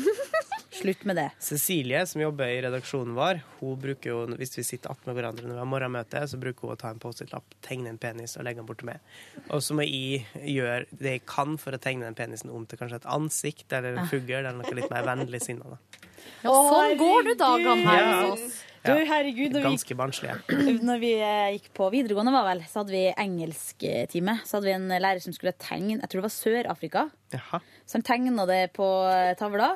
Og så begynte han å avgrense det området nederst. Hvis du ser for deg Sør-Afrika, så er det jo liksom Det kan, det kan ligne på en rar, klumpaktig penis. Men det han gjorde, var å dele av. Her innenfor dette området så skjer det et eller annet. Mm. Og så begynte han å tegne prikker da på for det var, og da, vet du Hele klassen brast ut i latter. Og læreren skjønte ingenting. Gikk noen steg tilbake, så på sitt eget verk, og hylflira her nå. Å ja, så morsomt. Kul lærer. Heldigvis. Han ble, det ble ikke sånn at han utviste hele klassen. Nei da, det var bare gøy. Det var lærere som mistet det. Jeg jobba på Veromoda i arbeidsuka. Ja, det var jo Eh. arbeidsuka som skaffa meg eh, jobb på Jesus. Jeg jobba også på Jesus. Og nå tenker jeg sånn, hvorfor eh, ville jeg det? Ja. Du På fikk jo klær. Veromoda. Nei, jeg fikk ei T-skjorte som jeg fikk rabatt på, sånn at jeg Mm. tror jeg betalte kanskje 50 i stedet for 150. Ja. Ikke var den noe fin heller.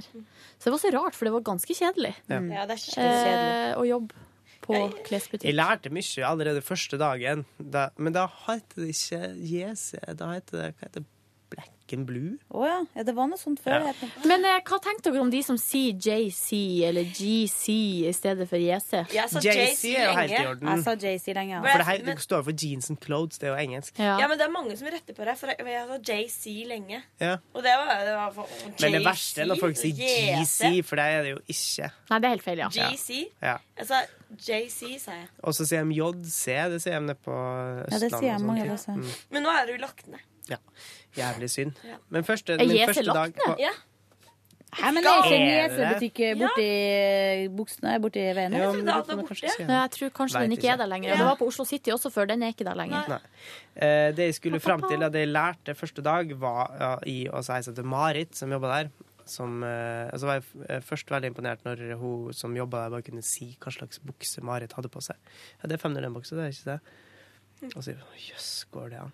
Eh, og så eh, skulle jeg og Marit finne tak i eh, 60 kleshengere, for vi skulle henge opp klær. Eh, og da gikk vi bare og henta 60 kleshengere, da. Men da fikk vi høre det, fordi at vi hadde henta helt forskjellige typer kleshengere. Vi måtte jo finne nei. at det skulle se helt likt ut. Herregud. Men det var gjennomført, vet du. Skal gjennomført. Uff, jeg husker Mitt verste minne fra å jobbe i klesbutikk var, var når det kom en, sånn, en mann inn. Jeg tror han kom fra Hurtigruta fra jeg tror det var fra USA, altså, for det kom folk.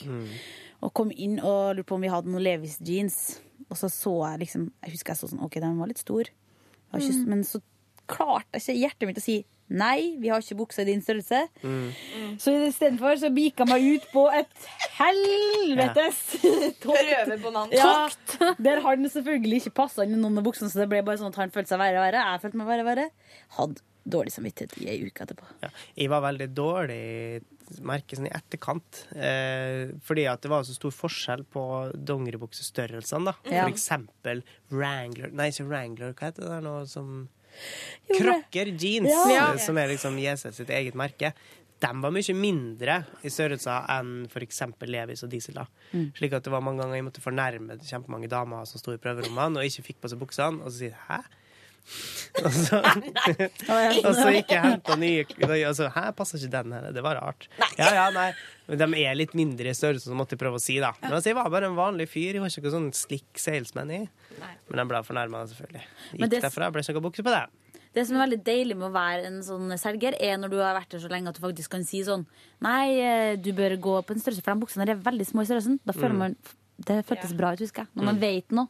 Jeg, jobb, ja, jeg jobba på Wow. Ja, oh! World, oh! World of Warcraft. Ja, World of Warcraft. Og så var jeg alltid så usikker på om jeg skulle si wow eller wow. Eller hva jeg skulle si. Jeg skjønner hva du mener. Ja. Jeg har slitt med det Jeg samme. synes det var kjempevanskelig Men det var ganske hyggelig, bortsett fra når du liksom sto midt i krangel mellom For det er jo da en eh, underkjede til Bik Bok som selger barneklær i. Bik Bok. Underkjeve, ja. Rosa og lilla og pastellfarga Ja. klær.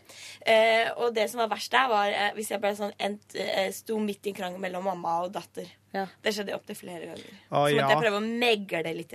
Eller bare holde meg litt unna. Åh. Men det var, det, eh, ja. det var litt hyggelig, syns jeg. Jeg koste meg egentlig den jobben. jeg. Åh, det verste var en sånn konfirmanter som skulle ha konfirmasjonsdress og kom inn og var pubertal og hadde fælt i livet. Mm. Og så står det liksom, skulle jeg være der og hjelpe dem og liksom, liksom Ja, hvordan sitter den i rumpa? Altså, det var liksom Mitt morsomste øyeblikk da jeg jobba på klesbutikk, det var en annen klesbutikk eh, i samme konsern. Eh, eller det var Ja, glem det. Eh, da var det ei som gikk inn i butikken, og så Det her var på et kjøpesenter, da. Og så sa hun Unnskyld, he, he, har dere eh, ungdomsklær her? Sa, ja, ja, ja, vi har masse ungdomsklær her.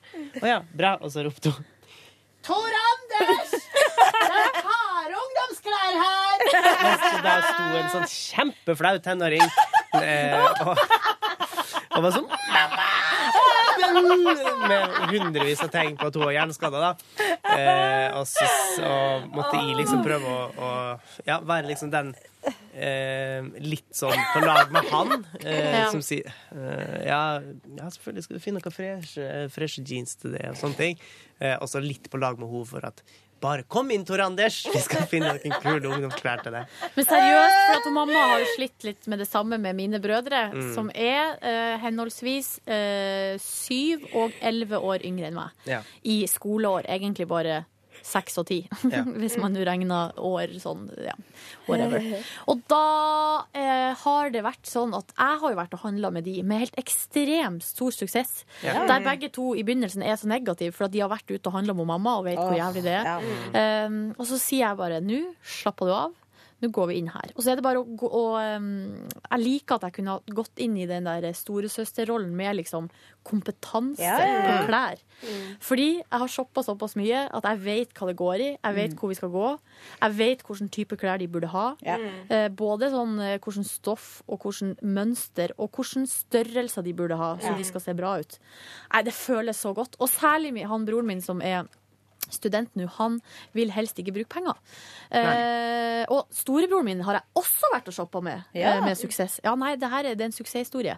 Og han vil helst ikke bruke penger, men da, var vi, da gikk vi på Jack and Jones en gang, eh, og så sa jeg sånn, du, du har ikke klær, nå skal vi, Ja, nå må vi bygge må opp. vi bygge opp. Bygge opp uh, den uh, parken av uh, sånn her, hva heter det? Klassiske plagg. Ja, Grunnplagg. Nå kjøper vi eh, hvite T-skjorter, svarte T-skjorter, flanellskjorter. OK?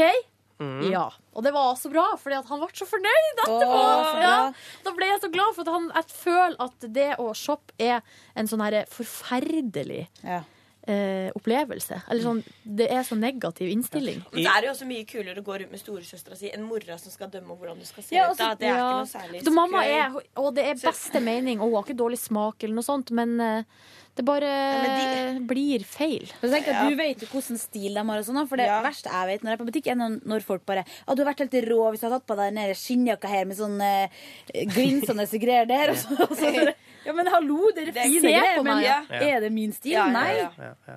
Og jeg var så fornøyd jeg fikk lillebroren min til å bare begynne å gå i eh, svarte jeans, hvit T-skjorte og skinnjakke. Det er jo den råeste klesstilen. Ja, men det er faktisk eh, Det er veldig kjekt, altså. Ja. Veldig fint. Veldig riktig. Veldig riktig. Jeg blir ofte Altså, jeg liker jo å gå med litt lite farger. Men der får jeg ofte vite at der får jeg ofte høre at de må gå med litt mer farger. Jeg syns du har veldig mye fine klær. Ja, du har ja. mye fine gensere og skjorter. Gensere er Mye fine din- gensere. Ja. Men problemet mitt nå er at jeg, har, jeg får ikke til å kjøpe klær sjøl lenger.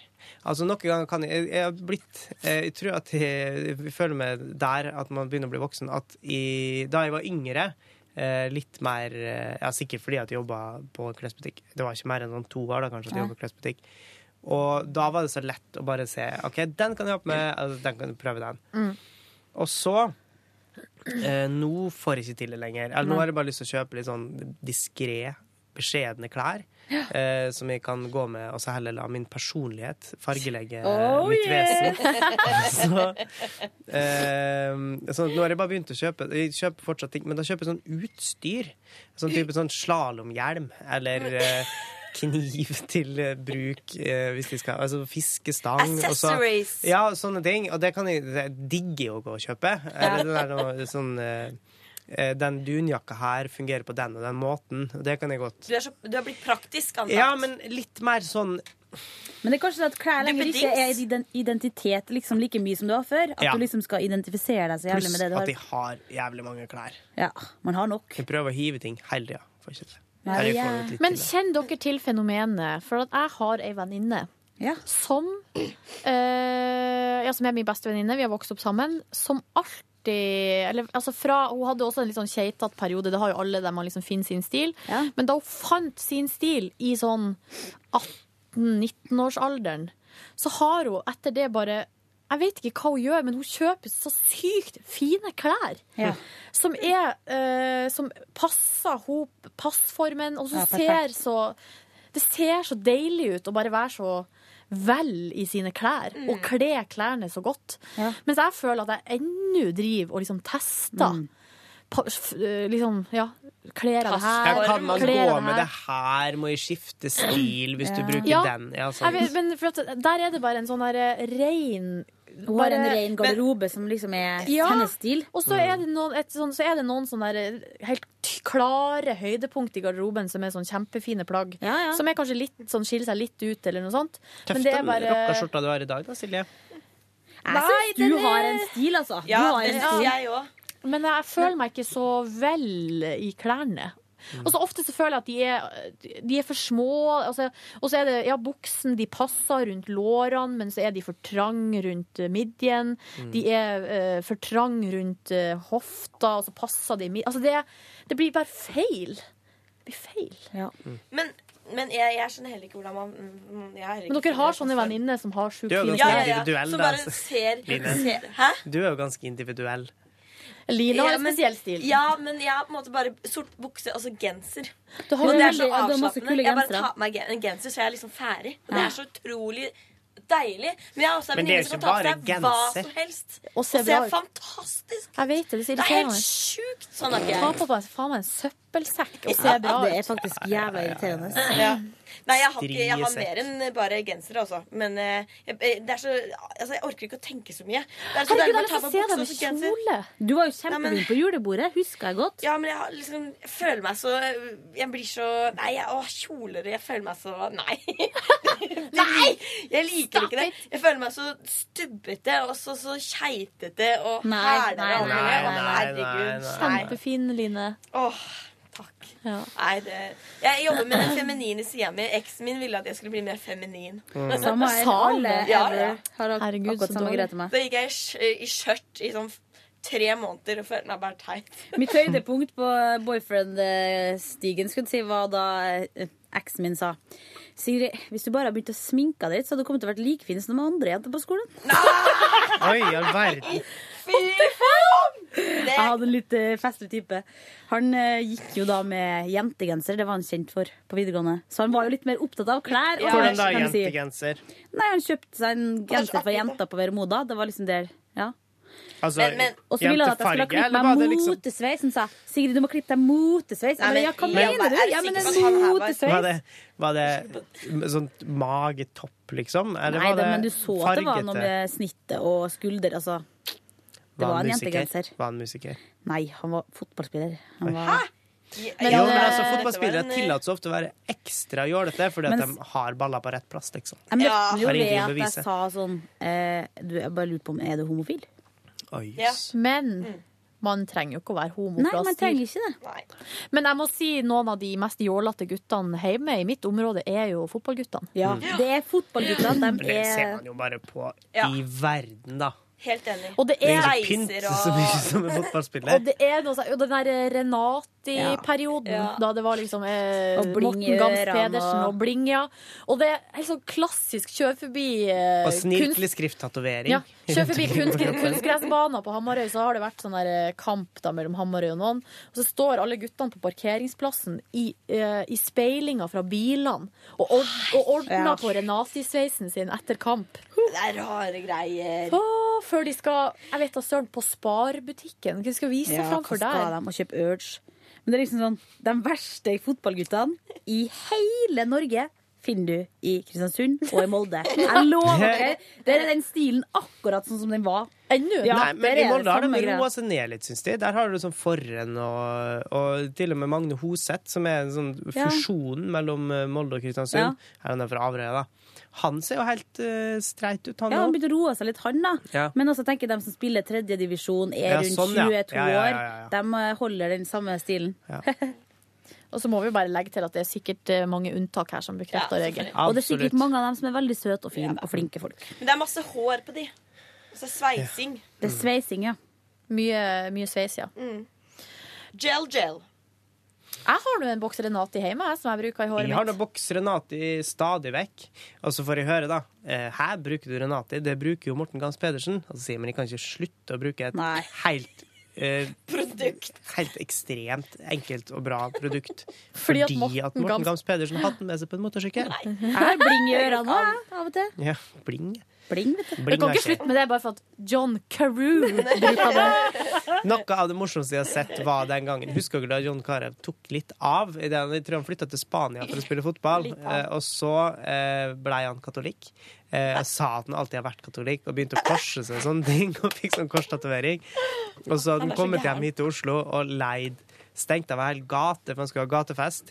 Og da sto han med liksom pimppels og hatt og lot seg intervjue. Det bildet har jeg sett. Med solbriller på seg. Det må jeg finne.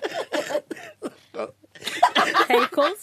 Det er noe av det artigste jeg Vet du, Sånn der pust har jeg òg nå. Skikkelig Ja. kolspust. Uff, jeg tror hele, hele P3 Morgen ris av en slags epidemi nå. Men skal vi, skal vi kanskje legge oss snakke ned om hvorfor? Hver gang helga kommer. Ja. Fordi gårsdagen eh, Jeg føler det er litt feil å si at vi gjorde det samme. Men vi var i det minste på samme plass. Ja. Vi var i Holmenkollen. Fra eh, klokka var Vi var vel i Kollen fra klokka var 11 Ja. til hun ble halv ni på kvelden. Ja. Så det var ti og en halv time vi klokka inn der. Mhm. Nei, ni og en halv time. Ja. Eh, ti og en halv time. Hvis vi var der fra 11. Ja. Mm. Jeg bare sitter og sier ja, jeg nå.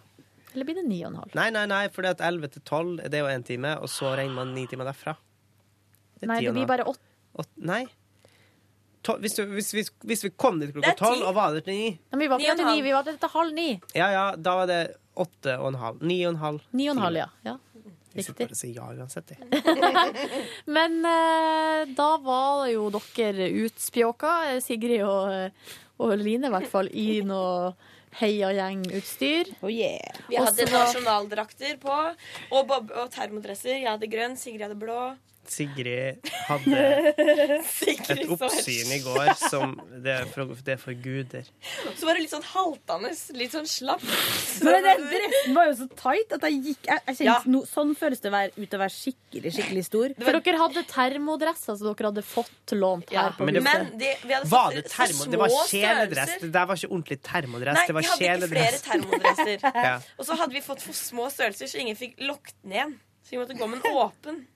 Men si meg dere, eh, hva gjorde dere da i de sju og en halv timene jeg gikk på ski? Det gikk veldig fort, syns jeg. Du kan jo se det i den videoen. da De sitter og spiller blokkfløyte. Ja, vi blokkfløyte, spiste masse pølser, tok Ja, vi kan jo bilder, si det ligger, heia. det ligger video ute på p3.no slash p3morgen. Og på forsida på og NRK. på nrk.no Oh, yeah! Av at jeg går fem mil på ski, og at eh, de andre i redaksjonen spiser pølse og Vi- vi Vet da søren hva det er dere driver på med. Satt i sola, og så sang vi. Ja. Jeg følte meg ganske engasjert i. Instagramma.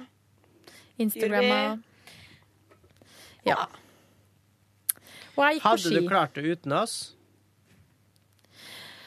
Eh, ja, det tror jeg kanskje, men jeg vet ikke om Altså noen Jeg hadde jo ikke gjort det hvis det ikke var noen der og, og sjekka at jeg gjorde det. Hvis du skjønner. Ja. Nå var jo det, det var jo folk i løypa. Det var litt søtt, for at det sto sånn her løype For at de, det er jo den World Cup, eller sånn World Cup-løypa som de skal gå i til helga. Sånn at den driver jo og preppes og forberedes, og de setter ut kamera. Og, så det er både løypefolk og NRK-folk i løypa der som driver og forbereder. Mm. Sånn at de som går, får lov til å gå der oppe nå på dagtid, er, em, er de som skal gå i helga. Og for spesielle folk med spesiell tillatelse, sånn som meg sjøl. Spesielle behov. ja. Eh, og, og for å eh, sørge for at det ikke er uvedkommende i løypa, så er det sånne løypevakter. Ja. Som står, Jeg tror det er frivillige som står rundt hele veien. Vet du ikke hva vi mener, så kan du sammenligne det med eksamensvakter. Ja, frivillige gamle folk, ja, som ikke har noe å gjøre. Eller eh, kanskje noen på festival. Ja. Som, er, Liker å passe som liker å passe på. Ja, som, men det er jo ildsjeler da, tror Ja, jeg, som ja, ja, er der frivillige frivillig der oppe. Jeg skjønner ikke, hvordan, hvordan klarer de å se at det, at Nei, for at det er så rart? utøverne går jo med vest, Mm. De går, oh, ja, jo med, de går jo med deltakervester. Ja, ja, ja, ja. Der de har nummer, og det står sånn Mm. 'athlete number', et eller annet. Så står det fis på alle sammen. Ja. Men noen av dem hadde navn på Ja. draktene sine. Ja. For eksempel Petter Northug. Ja. Ja. Han hadde det, ja. Ja. Mm. Eh, men de var så artige, de her gamle mennene, da. For at hver gang jeg gikk forbi, så var det sånn Ja, ja! Hvor mange runder er du nå, da? Ja. ja, Ja, du måtte svare, og du måtte svare, og du måtte svare. Og så var det noen av de mennene Det var de som var inne på stadion der, som bare sa Jeg tror etter at jeg hadde gått ei mil, så var det sånn Nei, nå har du vel gått langt nok. Hæ? Ja. fy. De tenkte at du har det bare gått var langt der og nok. leika. sant? Ja, de trodde ikke du skulle klare det, Ja. og så kommer du bare Nails it! Og de var så komiske, men de sa jo det hver gang, for det var liksom en Mm. sånn vits Mm. som de hadde, som på en måte aldri slutta å være artig. Den humoren er helt Ja, sjuk. hver gang jeg gikk forbi der, så var det sånn Ja ja, har vel gått mange nok mil nå, da? Ja. Og så er det sånn Ja, men ikke si sånn, da. De trodde jo ikke du skulle klare deg i det hele tatt. Nei, men det var hyggelig, da, for at når jeg begynte å gå på liksom fjerde-femte runden rundt der, da, og det er jo seks runder rundt, da begynte de å si sånn Fy faen. Ja. Nei, ja, nå er vi imponert. Det her hadde vi ikke trodd. Så det føltes jo bra, da. Det var jo morsomt, da, for vi fulgte jo det ei mil. Ja. Uh, Og da var det noen som sa at uh, de to gamle eller, De ikke skjønte helt hvor de kom fra, for den ene snakka norsk, og så plutselig snakka begge norsk, og så snakka begge to engelsk Ja, med en viss aksent. Ja. Uh, så sa de at uh, the, the runners, nei, the skiers go up this hill six times. Så, ja, ja, she's also doing that. No. Uh, are you, og så var det liksom om du, om du skulle gå fem mil. Ja. Så vi jo, jo, hun skal gå fem mil, bare følg dem. Ehm, nei, det skulle du ikke. Uh, ikke konkurrere. sier Nei, nei. Ikke konkurrere! Så jeg bare No! Uh, today. I'm going today. Ja. Oh! Og da var jeg mektig imponert igjen. Ja. Mm. Og mektig imponert. Men det var også artig, for at etter hvert utover dagen der, når arbeidet arbeid For jeg gikk jo da Det gikk til det stengte. Jeg gikk til det stengt, ja. eh, til det var helt mørkt i løypa. Eh, men i hvert fall etter at liksom, arbeidstid er ferdig, folk er ferdig på skole og jobb, så begynte jo folk langs løypa der å eh, eh, gjøre seg klar til helga, når det er femmil og tremil. Ja, ordna, de laga de vanvittig svære campene oppe i skogen der. Publikum, altså. Publikum. Ja, ja, ja, men Publikum. altså, etter, når det begynte å bli mørkt og sånn? Nei, men før det ble mørkt. Altså sånn mellom kanskje tre og, og seks, da. Eller tre og syv, da. Wow, De det siste- er ganske Ja, De siste rundene jeg gikk, da var det bare en drøss av folk der oppe som eh, drev og smokka snø, bærte ved, satte opp lavvo.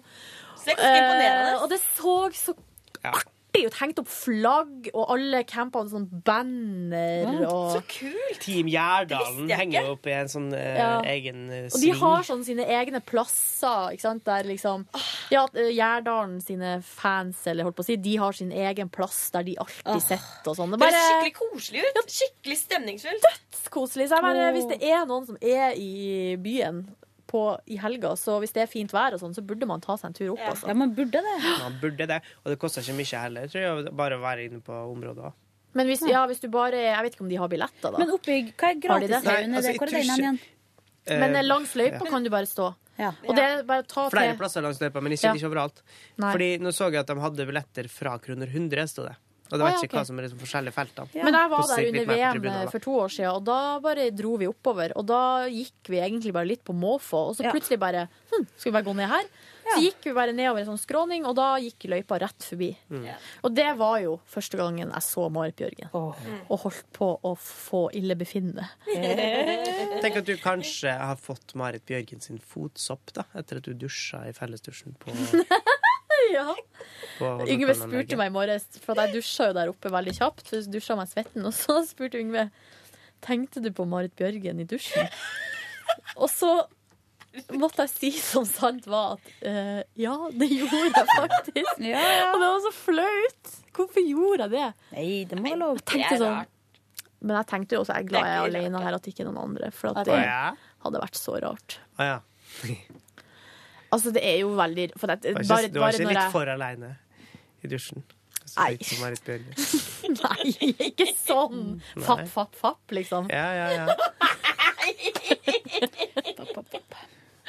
Nei. Men det jeg tenkte, var Mens vi andre satt og venta. Og Ja, vi satt og spiste ventet. pølser, så tok Silje seg En runde i dusjen. Herregud. Ja, jeg er jeg skal si det. Men dere, Ja. eh, det som jeg følte litt på, var jo at da jeg var skifta i garderoben, så lå jo liksom sånn utstyr og sånn fra de andre. Og det eh, så så sinns utstyr. Sånne her, eh, sekker og sko, og det, og det så så proft ut. De har så mye fint utstyr, og så kommer jeg med sånn her slitne ting som jeg la igjen der, og så følte jeg meg sånn herregud. Men du hadde jo superutstyr, du òg, da. Ja, men det var jo det jeg hadde fått lån der oppe, liksom. Mm. Nå fikk jeg jo den der uh, Swix-drakten. Spandex-drakt. Gjorde du? Trikoten, ja. Den la- Herregud, så kult! svetta. Men du, Det kan ikke du ha den på deg neste gang du og Ronny skal trene på trimrommet? Den røde drakten? Ja. Så veldig bra ut Silje. Ja, du så jævlig Det Men det må jeg si, for akkurat sånn som en skidame. overraska over um, stoffet. Det var deilig å ha på seg. Ja. Skikkelig deilig. Er det en altså, Men jeg pyjamasmateriale, liksom? Nei, had, hæ? Det, kan du bruke det til nattdrakt? Nei, det er ganske trangt rundt midjen, da. Eller sånn. Ja. Det, for at det, men eh, det er sånn skikkelig lett stoff. Ja. Ja, som er bare veldig tøyelig og bøyelig og veldig lett. Men hva du hadde under? Jeg hadde superundertøy. Ja. Og det var nok. Ja, Ganske altså, lenge, da. Det var jo nok helt sånn Hva var klokka når jeg hadde fullstendig breakdown? Da var det Fra fem seks. Ja, når det begynte å bli mørkt, da. Fem-halv seks. Ja, for at, eh, da holdt jeg jo på å fryse i hjel når Ja. sola gikk ned. Og da gi- var jeg så sliten at jeg gikk så sakte at jeg klarte ikke å bli varm. Det var så fælt. Hendene dine rista, og knærne dine rista. Og da fikk jeg jo Og vi eh, òg frøys veldig der vi sto og Ja, venta på det.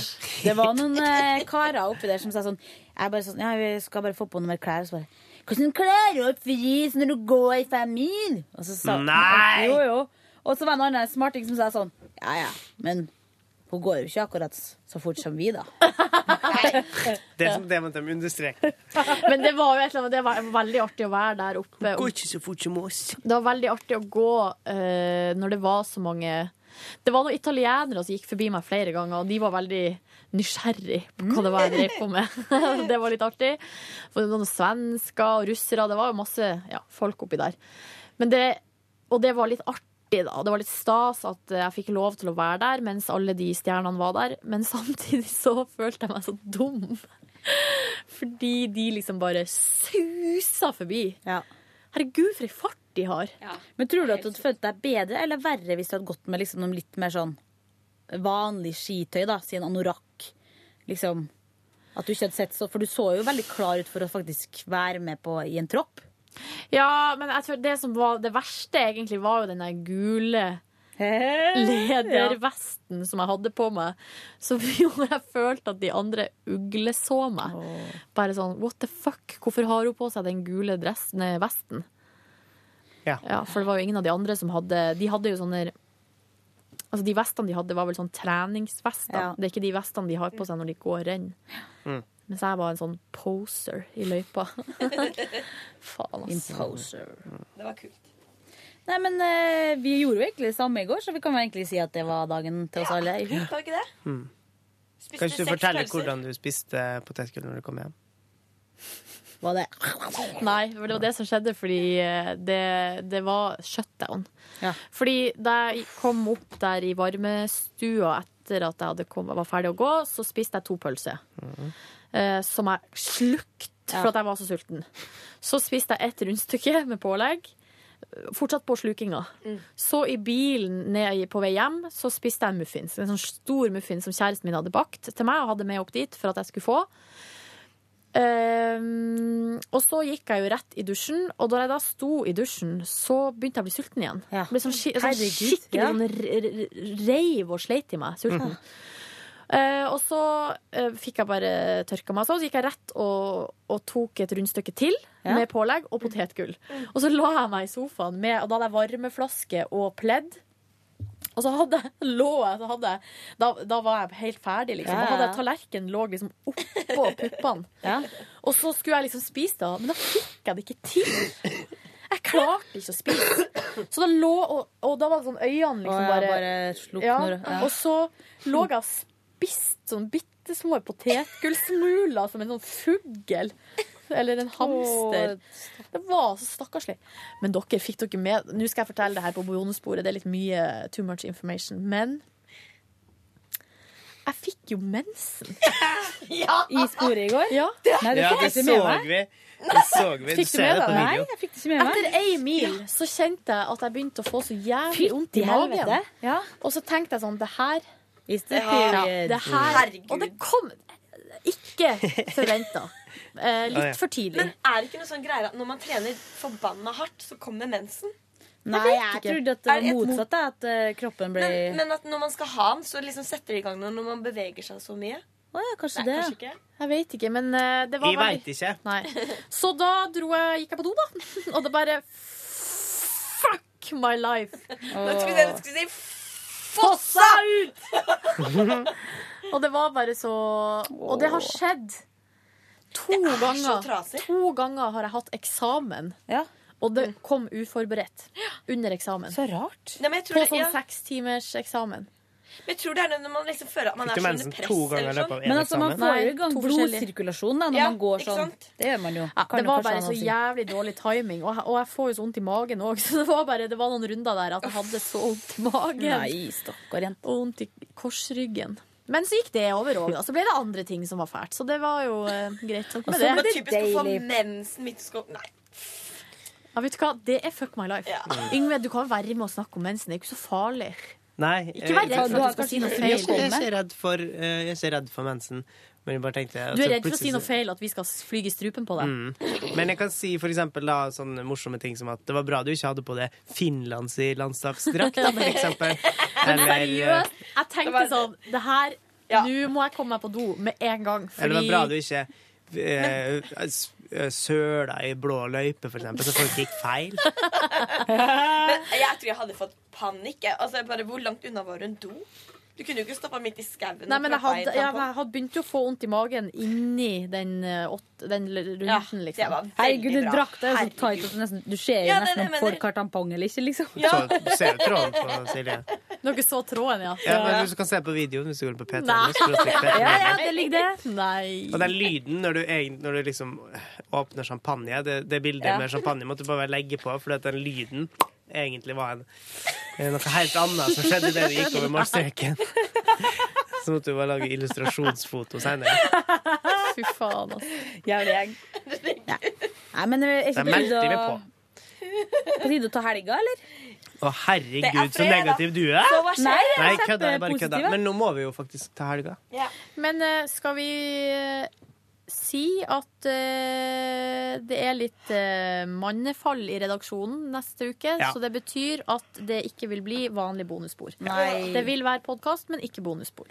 Vi beklager det, men vi kommer sterkt tilbake igjen. Riktig. Så Altså- håper jeg at alle Jeg vil si uh, tusen, tusen takk for alle lykkeønskninger og varme tanker og gratulasjoner. Hadde ikke klart det uten dere. Mm. Ja.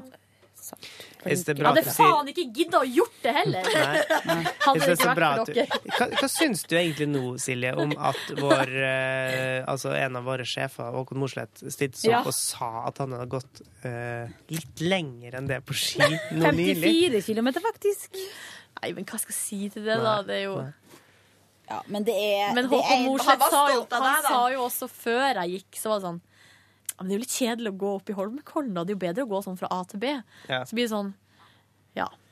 Ja ja, men det er nå det jeg skal gjøre, da. Mm. Så eh, eh, dessverre Så for meg sånn så skal jeg gå en, samme runden seks ganger. Ja. Ja, men du, hallo. Jeg er veldig glad for at du sier tusen, tusen takk istedenfor bare å si tusen, tusen. Irriterer meg folk som sier Hvem er det som gjør det? Nei, Jeg det er jævlig lenge siden jeg hørte det, men jeg bare kom på det i går. At det irriterer meg sånn når folk sier sånn her jeg, jeg, Det er egentlig vurdert om vi skal begynne å si det sjøl for å irritere andre. De sier sånn her Jævlig fin genser, sånn, Tusen, tusen. Det er så typisk deg å gjøre sånne ting for å irritere andre. Ja. Det har jeg aldri hørt, for det teiteste jeg har hørt. Si noe Og fint til tusen. meg. Nei, si noe fint til meg, Line. Ingvild, da har du på deg en kjempefin bukse. Tusen, tusen. Tusen, tusen. OK, dere Æsj, hørte det Petter i Gan. dere. Ikke si det. God helg. god Vet du hva helg. jeg har lyst til å kjøpe nå i kantina? Mm. Sånn eh, frøloff med ost og skinke. Ja! Så skal Og- den varme i mikroen. Korn, ja. Enig. Jeg Og sjokolademelk. Ja, i dag skal det det feires. Det altså. Det altså. OK, vi gjør det nå. Ha det! Ok, ha det. Glad i dere. God tilstand. Tusen, tusen for at dere hørte på. Arriba! Ha det. Du hører nå en podkast fra NRK P3. Hent flere podkaster fra NRK på nettsiden nrk.no podkast. NRK P3.